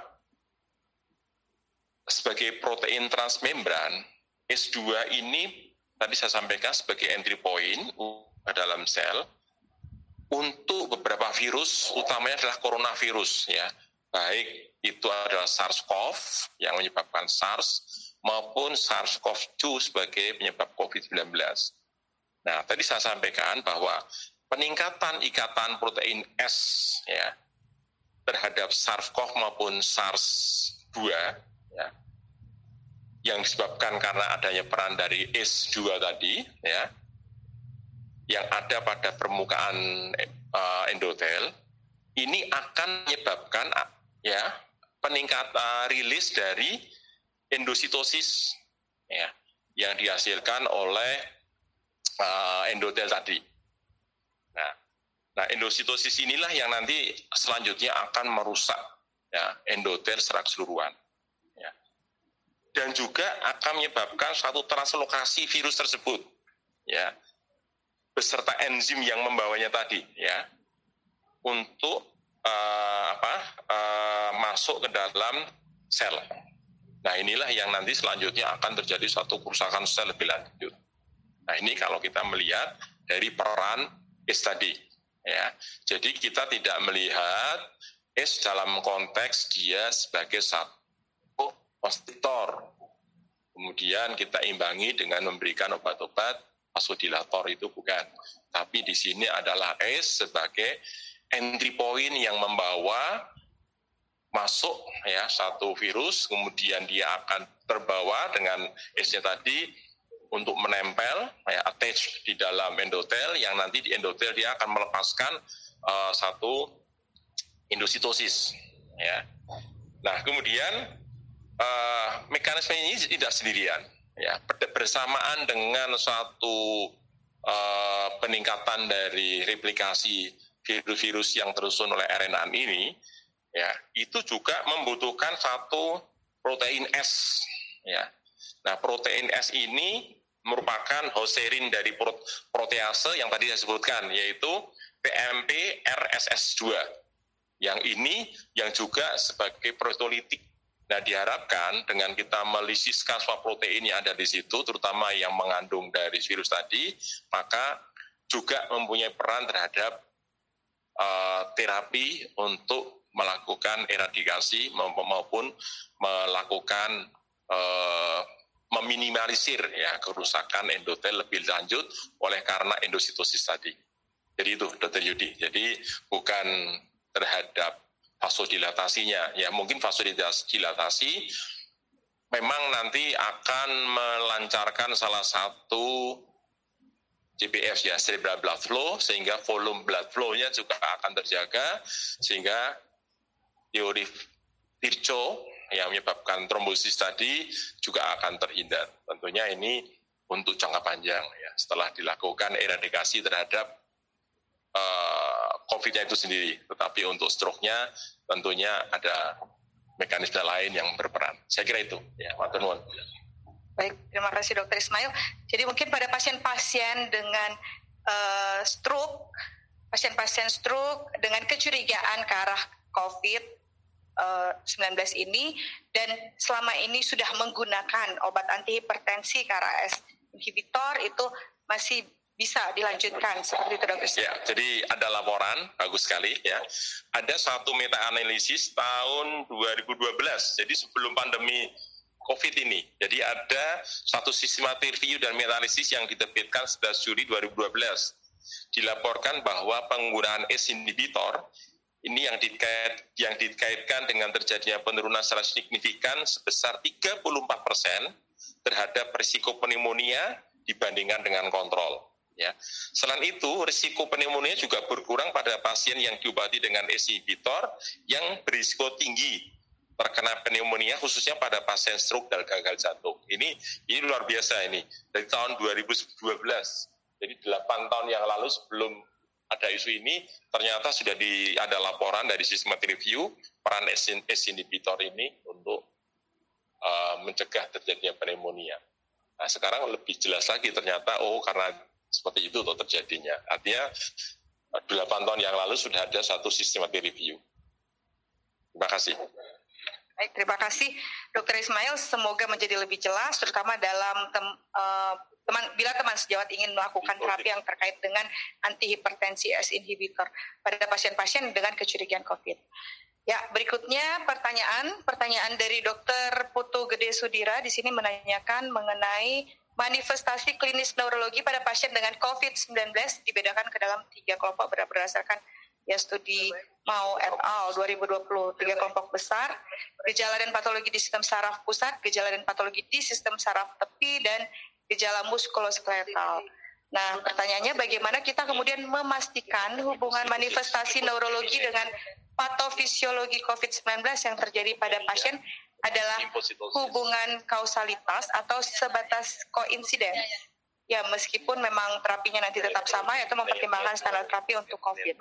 Ya, terkait dengan jurnal ini mungkin ya bagaimana mungkin dokter Sekar bisa me, men, membantu menjawab pertanyaan. Jadi do, jadi dari dokter Putu dari Bali ini menanyakan mengenai tadi mengenai gejala-gejala manifestasi neurologis yang sudah disampaikan dokter Sekar pada saat yeah. presentasi ini kan uh, bagaimana kita mengetahui memang hubungannya itu adalah hubungan kausalitas atau malah koinsidens karena pasiennya sudah rawat inap dan kita bukan penelitian.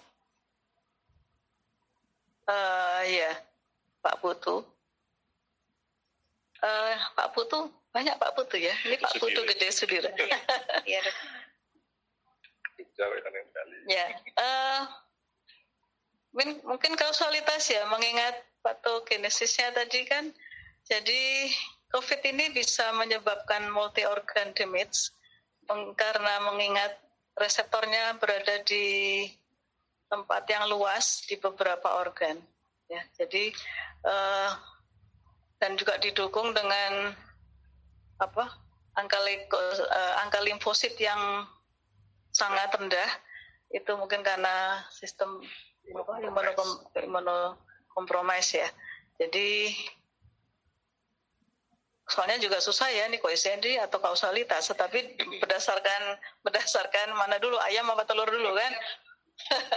berdasarkan teorinya yang kita dapat itu karena reseptornya berada di semua organ itu yang kemudian tadi disebutkan juga eh, mempercepat worseningnya, jadi pemburukan pasien itu karena mengingat terjadi multi organ damage itu yang pada saat yang sama dan cepat.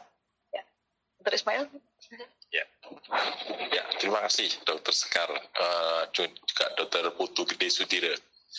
Ada dua hal Dokter Putu kalau kita ingat satu kondisi pasien itu ya. Pertama ya, kalau kita mengatakan bahwa ada satu causality effect ya berarti ada suatu kondisi pordientre. Nah, pordientrenya katakan kita milih saja suatu kondisi pneumonia. Nah, kalau sudah kita mengatakan pordientre, tadi sampaikan oleh dokter Sekar, bahwa reseptor-reseptor ya enzimatik yang bekerja di situ, ya kita tahu bahwa dia tersebar pada endotel-endotel yang disukai, ya endotel di striatal, endotel di alveolar, endotel di tubuli, ya di arteri sirkulasi tubuli itu juga suka sekali. Kemudian di uh, hipokampus, ya itu juga disukai. Ini daerah-daerah di mana uh, aliran darahnya itu sangat masif. Ya. Nah tentunya dalam kondisi seperti ini sama saja, artinya suatu kondisi kausalitas bahwa oleh karena adanya satu COVID yang porde entria pneumonia tadi bersamaan dengan kondisi penyebaran akibat dari kerusakan yang terjadi di ginjal, di saraf, tepi maupun sentral, maka bersamaan pada pasien tersebut akan terjadi suatu multiple organ damage yang selanjutnya akan menyebabkan suatu multiple organ failure tentunya ini akan menyebabkan suatu peningkatan mortality. Itu kalau kita mengatakan kausalitas. Kalau kita mengatakan koinsidensi, artinya bersamaan dengan kondisi tersebut, kemudian muncul suatu kondisi, nah itu boleh juga. Ya, contoh saya akan mengambil satu cerebrovaskuler. Ya, satu kondisi saya tidak akan mengambil di situ ada suatu arteritis vaskulitis pada arteri cerebri, tetapi saya mengambilnya adalah arteri di luar cerebral.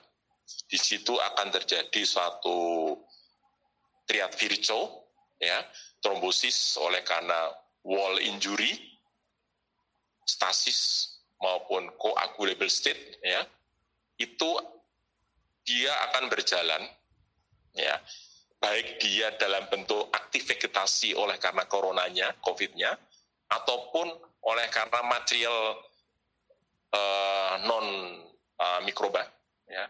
Misalnya adalah betul-betul berisi oleh LDL berisi oleh kal kalsifikasi dan sebagainya kemudian berjalan dia sebagai suatu emboli ya. Kemudian kebetulan dia berhenti di otak. Kemudian terjadi cerebrovascular event. Ini juga bisa terjadi ini menjadi Koinsiden bisa juga, causality juga bisa.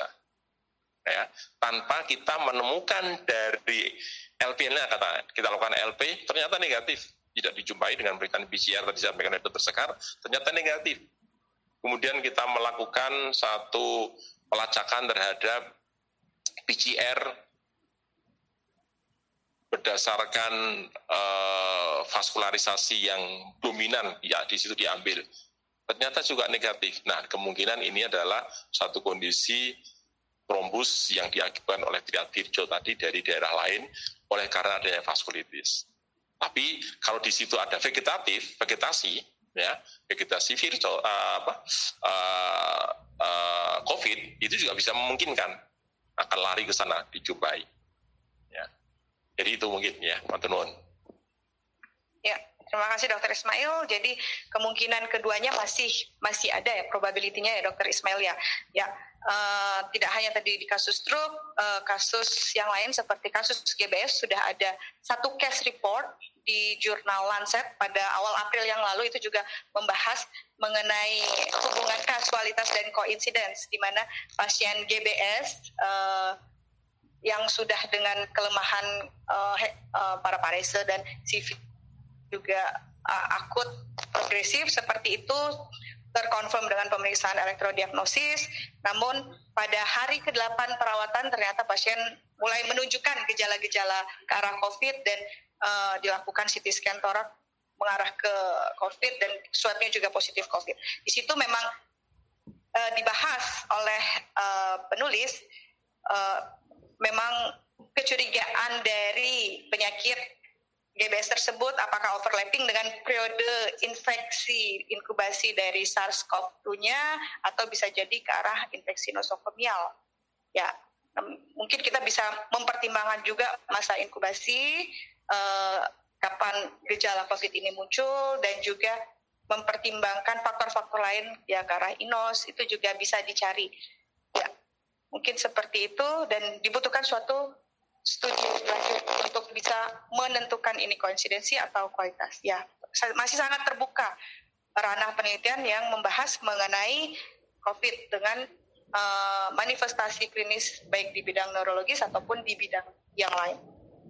Baik, berikutnya pertanyaan dari dokter teman sejawat dokter Diah Lindrati yang ingin bertanya, oh, ya ini terkait dengan penggunaan steroid untuk infeksi sistem saraf pusat terkait COVID, mengapa pilihannya metilprednisolon bukan dexa? Ya. Mungkin dokter Sekar ya tadi sudah menjelaskan mengenai steroid. pilihannya mengapa metil? Ya, terima kasih Bu Diah Winda Win, Windrati. Diah Windrati. Uh, kemarin di di grup neuroinfeksi itu dipilih memang metilbratisolon ya. Uh, mungkin karena ini ya apa long acting ya sehingga dia bisa uh, bisa lebih reaksinya lebih lebih lama dan dan apa untuk tapering off-nya juga lebih lebih mudah. Uh, mungkin itu ya karena kemarin juga diskusinya hanya pendek saja. Semoga semoga benar. Jadi pilihannya di situ karena lepas ah bukan apa jangka panjang anunya reaksi apa faktor uh, apa daya bukan uh, lepas lambat itu loh jadi dia reaksinya bisa bisa bisa lebih lama. Kalau Dexa itu short acting ya lebih lebih cepat reaksinya pada itu. Mungkin untuk keamanan dari parunya juga saya tidak begitu tahu persis ya. Itu saja, Bu. Ya, semoga bisa menjawab, Dokter Diah. Uh, yang jelas pilihannya disarankan lebih disarankan penggunaan metilprednisolon bukan ke arah Dexa. Uh, berikutnya pertanyaan dari Dokter Desin ini mengenai apabila ada kasus-kasus neurologi dengan uh, eh, PDP, apakah neurologis tetap sebagai DPJP atau mungkin beralih ke teman sejawat yang lain? Ya, ini kasus mengenai DPJP. Dokter Ismail mungkin bisa menjawab dok mengenai uh, siapa yang akan menjadi leader terutama pada dalam merawat pasien-pasien pasien-pasien dengan kasus neurologi dan PDP.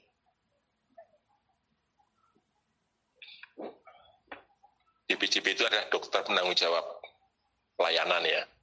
Artinya di sini kita jangan terjebak di dalam satu administratif care management bahwa itu adalah dalam kasus tertentu menjadi WWA tetap apa rebutan dalam kasus tertentu akan dibuang-buang itu tidak. Ya, artinya di sini begini, di BCP dalam hal ini kita lihat penanggung jawab itu dalam konteks itu adalah penanggung jawab yang terkait dengan individual terhadap pasien. Maka kalau pada pasien tersebut dijumpai katakan empat atau lima simptom yang terkait dengan masing-masing kompetensi. Tentunya, tentunya semua dokter itu adalah bertanggung jawab terhadap kondisi tersebut.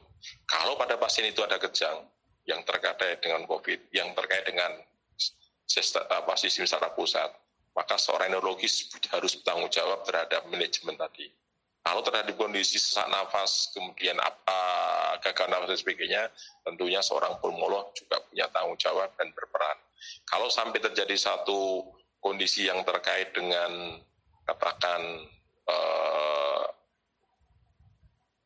problem jantung, tentunya seorang kardiolog juga. Jadi saya tidak akan bisa menjawab sopo yang jadi DPJP utama pada pasien ini. Karena kalau seperti itu nanti adalah orang yang pertama kali menjumpai di UGD, kemudian dia men,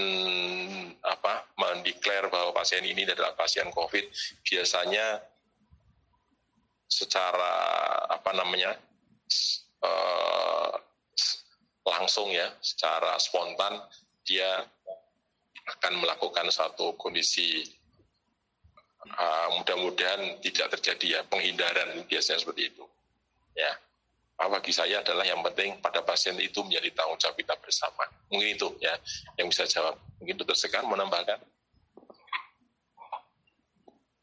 Ya, terima kasih dokter Ismail. Jadi memang uh, dibutuhkan rasa tanggung jawab bersama karena kita sebagai tenaga kesehatan ya dengan uh, tujuan utama merawat pasien tapi tidak lupa juga kita melakukan tindakan preventif atau kewaspadaan sehingga juga bisa membantu me menjaga keselamatan dan kesehatan dari rekan-rekan diri sendiri dan juga rekan-rekan teman sejawat uh, tenaga medis yang lain yang bekerja dalam wilayah rumah sakit tersebut.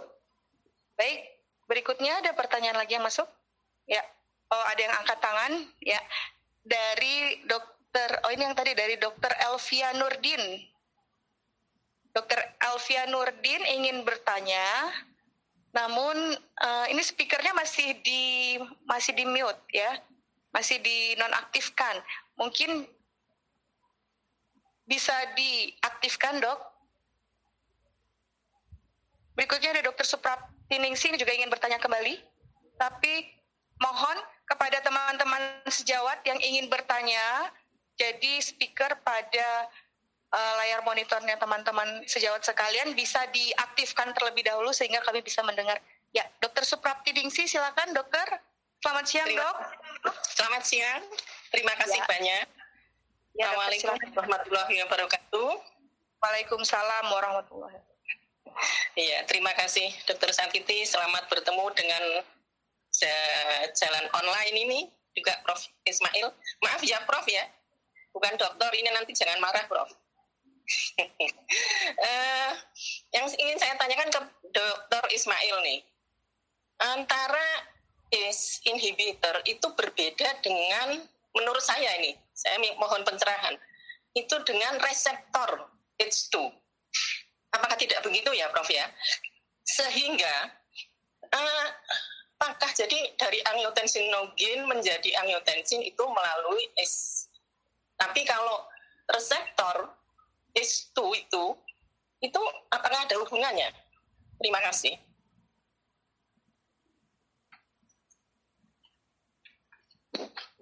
Maturun dokter Rati. Ada tiga hal yang harus kita perhatikan kalau kita bicara yang terkait dengan fungsional suatu material yang terkait dengan uh, satu enzim ya saya katakan. Pertama, dia sebagai material sebagai suatu enzim, maka di dalam organ targetnya membutuhkan suatu perantara untuk bisa bekerja. Ya, itu dinamakan suatu reseptor.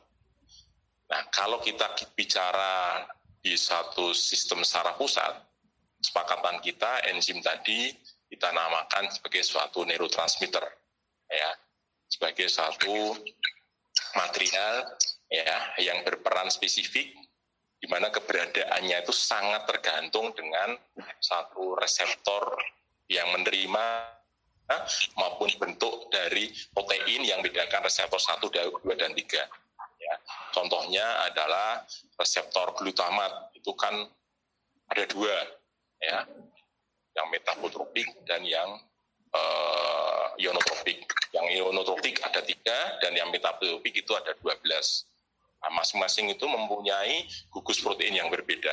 Nah, terkait dengan ACE, betul ya. Kalau kita bicara reseptor, maka yang meru, men, apa, bekerja dia nanti di dalam konteks terkait dengan aktivitas dia terhadap vaskuler, berarti dia adalah membutuhkan satu reseptor yang nanti akan mengaktifkan.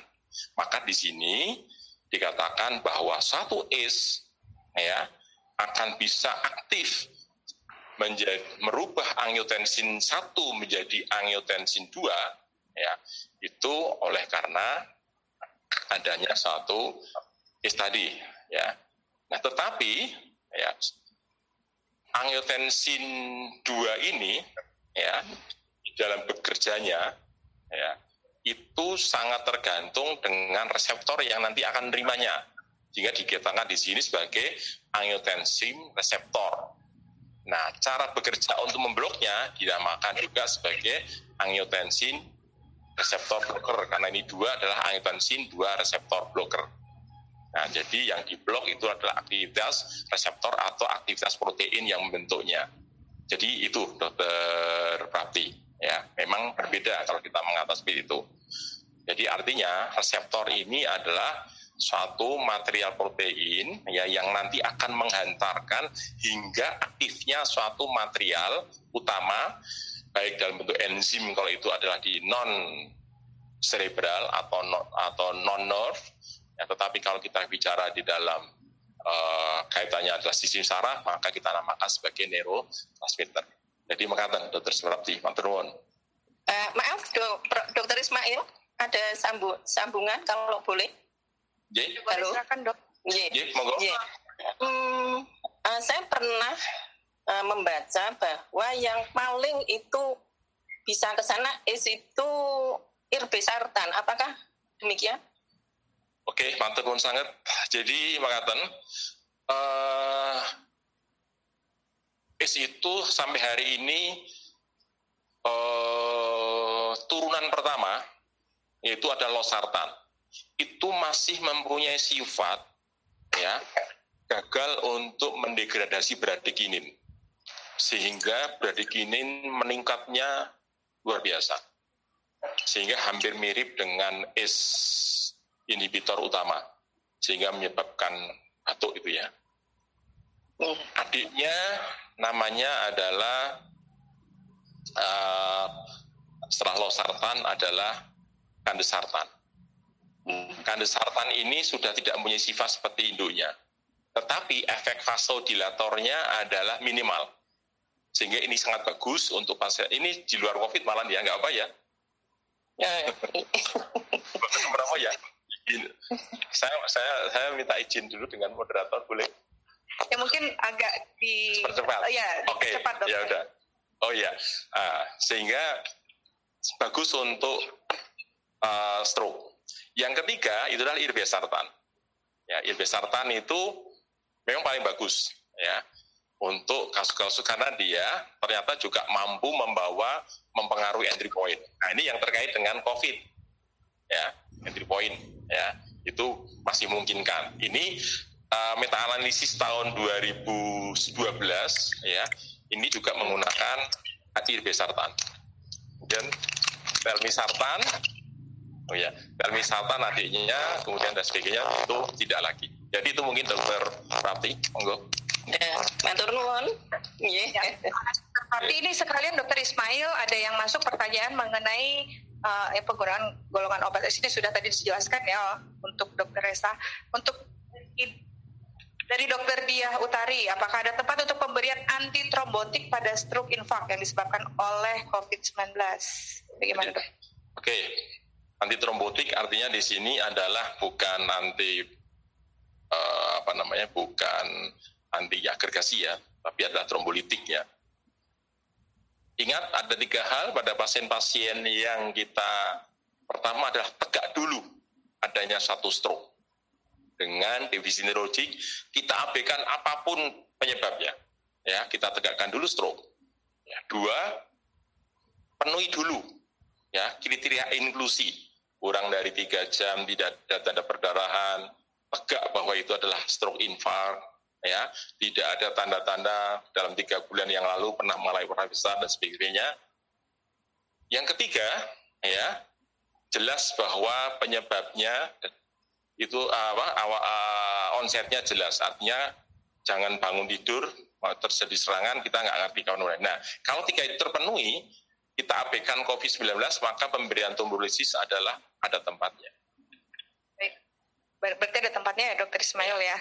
Baik, uh, soalnya ada satu pertanyaan lagi nih yang masuk, mungkin karena waktunya sudah uh, mendekati uh, hampir habis, tinggal tujuh menit lagi. Pertanyaan yang terakhir sebenarnya dari Dokter Maula Gaharu, baik Sebenarnya manifestasi neuro yang terjadi akibat respon imun berupa inflamasi karena adanya badai sitokin atau akibat jumlah virusnya seperti halnya pada HIV dan lain-lain bagaimana dokter dokter Sekar mungkin. Bagaimana dokter Sekar? Manifestasi neurologi itu terjadi ya. akibat ya, ya badai sitokin atau jumlah virus. Ya, kan terima kasih Pak Maula. Yang yang jelas belum tahu ya. Karena penelitiannya juga belum banyak tetapi bahwasanya terjadi respon imun uh, apa badai sitokin itu iya itu terjadi juga. Sehingga apakah seperti HIV atau bukan terus terang kami belum tahu. Silakan Pak. Ya, uh, memang yang ditakutkan salah satunya adalah contoh ya kita memberikan obat-obat imunostimulan yang berlebih itu bisa juga berefek negatif justru. Akan terjadi satu badai sitokain ya. Namun demikian juga kita harus tahu pada sitokain ini kalau kita perhatikan ya imunokompromis itu nanti bahaya itu. Tapi kalau dalam imunokompeten kita harus ingat ya harus di dalam tubuh kita itu ada keseimbangan antara TNF alpha dengan interleukin 6 ya itu semuanya ada bersifat pro-inflamasi. Yang kedua adalah TNF beta dengan interleukin 10 itu adalah anti-inflamasi. Kalau dua-duanya seimbang atau lebih dominan TNF beta dan interleukin 10 tentunya itu menguntungkan. Itu saja. Terima kasih Dokter Ismail. Ya, semoga bisa menjawab tadi pertanyaan dari Dokter Maula. Uh, ya, berikutnya ada pertanyaan lagi? Ada ada yang angkat tangan? Oh, oh, ya. Mungkin satu pertanyaan lagi nih ya dari Dokter Sabrina Maharani. Izin bertanya dok, pada pasien COVID-19 apakah menunjukkan juga menunjukkan gejala seizure? Adakah pemeriksaan dan terapi awal untuk pasien suspek COVID dengan seizure? Dokter Sekar. Mengenai tadi sebenarnya sudah dijelaskan ya terkait dengan seizure pada pasien apa juga menunjukkan jadi apakah pasien COVID juga menunjukkan gejala seizure? Ya, ada. Seizure ada ya, ada, ada dua kasus, kemudian ditambah lagi dengan yang di Jepang itu satu kasus. Ini yang baru terlaporkan, ya. Jadi eh, kemudian di Sarjito baru kemarin kami juga dikonsulkan dengan kejang pada pasien PDP, ya. Jadi memang bisa dan terapi terapi pakai anti kejang biasa yang ada di situ yang yang paling ya, sederhana penitoin ya penitoin dulu bisa itu sejak sekaligus menjawab pertanyaan dari dokter Adisa ya dok ya. Terapi kondisi yang lebih beresiko, beresiko mengalami, mengalami kejang, kejang bagaimana penanganannya? Risiko. Tidak ada. Artinya eh, risiko risiko untuk COVID-19 itu uh, itu tadi ada riwayat kontak, kemudian riwayat penyakit sebelumnya, misalnya ada komorbiditas yang mengganggu korteks cerebral, nah itu bisa kemudian menjadi pemicu. Ya. Kemudian keluar skeleton tanpa ya, tanpa Ya, pertanyaan dari dokter yang terakhir ini mungkin ya dok. Bahwa mengalami perbaikan ya pasien ya. uh, keluhan skeletal mengalami ya. perbaikan perbaikan nyeri ototnya ya kan tapi jangan lupa cek cek limfositnya dicek ulang kemudian kalau bisa kreatin kinasa juga dicek kalau itu bagus tidak masalah ya silakan dilanjutkan sebagai nyeri otot biasa bukan COVID-19 ya terima kasih Ya baik, terima kasih. Terima kasih banyak Dokter Sekar, Dokter Ismail, Ya, uh, kita tahu bersama bahwa kasus COVID ini secara secara nasional cukup banyak jumlahnya. Terakhir kemarin sudah dilaporkan total kasus positif ada sekitar 4.800 kasus, kemudian total kematiannya ada 459 kasus dan total sembuhnya 426 di mana angka total kematian jauh lebih banyak daripada total yang sembuh sekitar 9,5 persen dari total kasus yang positif. Artinya apa? Artinya angka ini lebih besar dari rata-rata mortality rate oleh yang dikeluarkan oleh WHO 3,4 persen untuk Indonesia ini cukup besar 9,5 persen. Artinya banyak orang yang mungkin masih underdiagnosed atau mungkin under tes belum dites. Jadi dibutuhkan suatu kemampuan uh, dari teman sejawat sekalian tenaga kesehatan untuk bisa uh, membantu mendeteksi adanya kemungkinan-kemungkinan kasus-kasus yang positif sehingga uh, kita bisa lebih waspada dan lebih aware, lebih hati-hati. Mungkin seperti itu ya Dokter Ismail dan Dokter Sekar.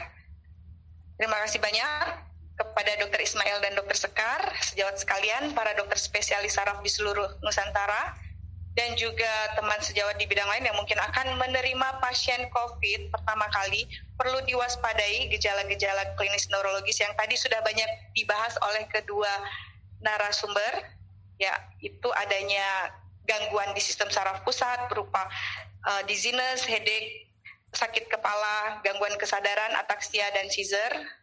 Juga di keluhan sistem saraf tepi berupa adanya gangguan penciuman, gangguan perasa, gangguan penglihatan, dan nyeri otot skelet. Di mana tadi sifatnya tadi disampaikan oleh dokter Sekar, sifatnya akut, tiba-tiba, itu harus kita waspadai, apalagi apabila adanya gejala-gejala yang khas ke arah COVID seperti demam, batuk, dan sesak nafas, dengan gambaran-gambaran pemeriksaan penunjang yang mendukung ke arah COVID. Nah, itu kita harus mewaspadai. Anamnesis yang detail dan lengkap sangat penting untuk kita lakukan. Demikian juga pemeriksaan-pemeriksaan uh, sederhana, tadi pemeriksaan darah dan juga ronsen toraks itu uh, penting untuk dilakukan. Dengan uh, demikian acara webinar ini kami berharap bisa membuka wawasan kita semua dan kewaspadaan kita sebagai dokter spesialis saraf dan atau juga sejawat di bidang lain karena di masa sekarang penting bagi kita untuk bisa mewaspadai dan membuktikan apakah pasien kita tersebut uh, me merupakan pasien COVID-19 atau bukan demi kesehatan semua tenaga medis yang merawat pasien. Baik, terima kasih kepada kedua narasumber. Terima kasih banyak Dr. Ismail, Dr. Sekar, dan kepada seluruh sejawat yang sudah ikut serta bergabung dalam acara webinar ini. Kami dari Perdosi terus mengingatkan untuk tetap jaga kesehatan, tetap waspada, demi kita bisa menjaga, melakukan, tetap melakukan pelayanan kesehatan kepada masyarakat. Terima kasih atas perhatiannya. Semoga acara ini dapat bermanfaat. Kami tutup dengan hamdalah, alhamdulillahirabbil alamin. Assalamualaikum warahmatullahi wabarakatuh.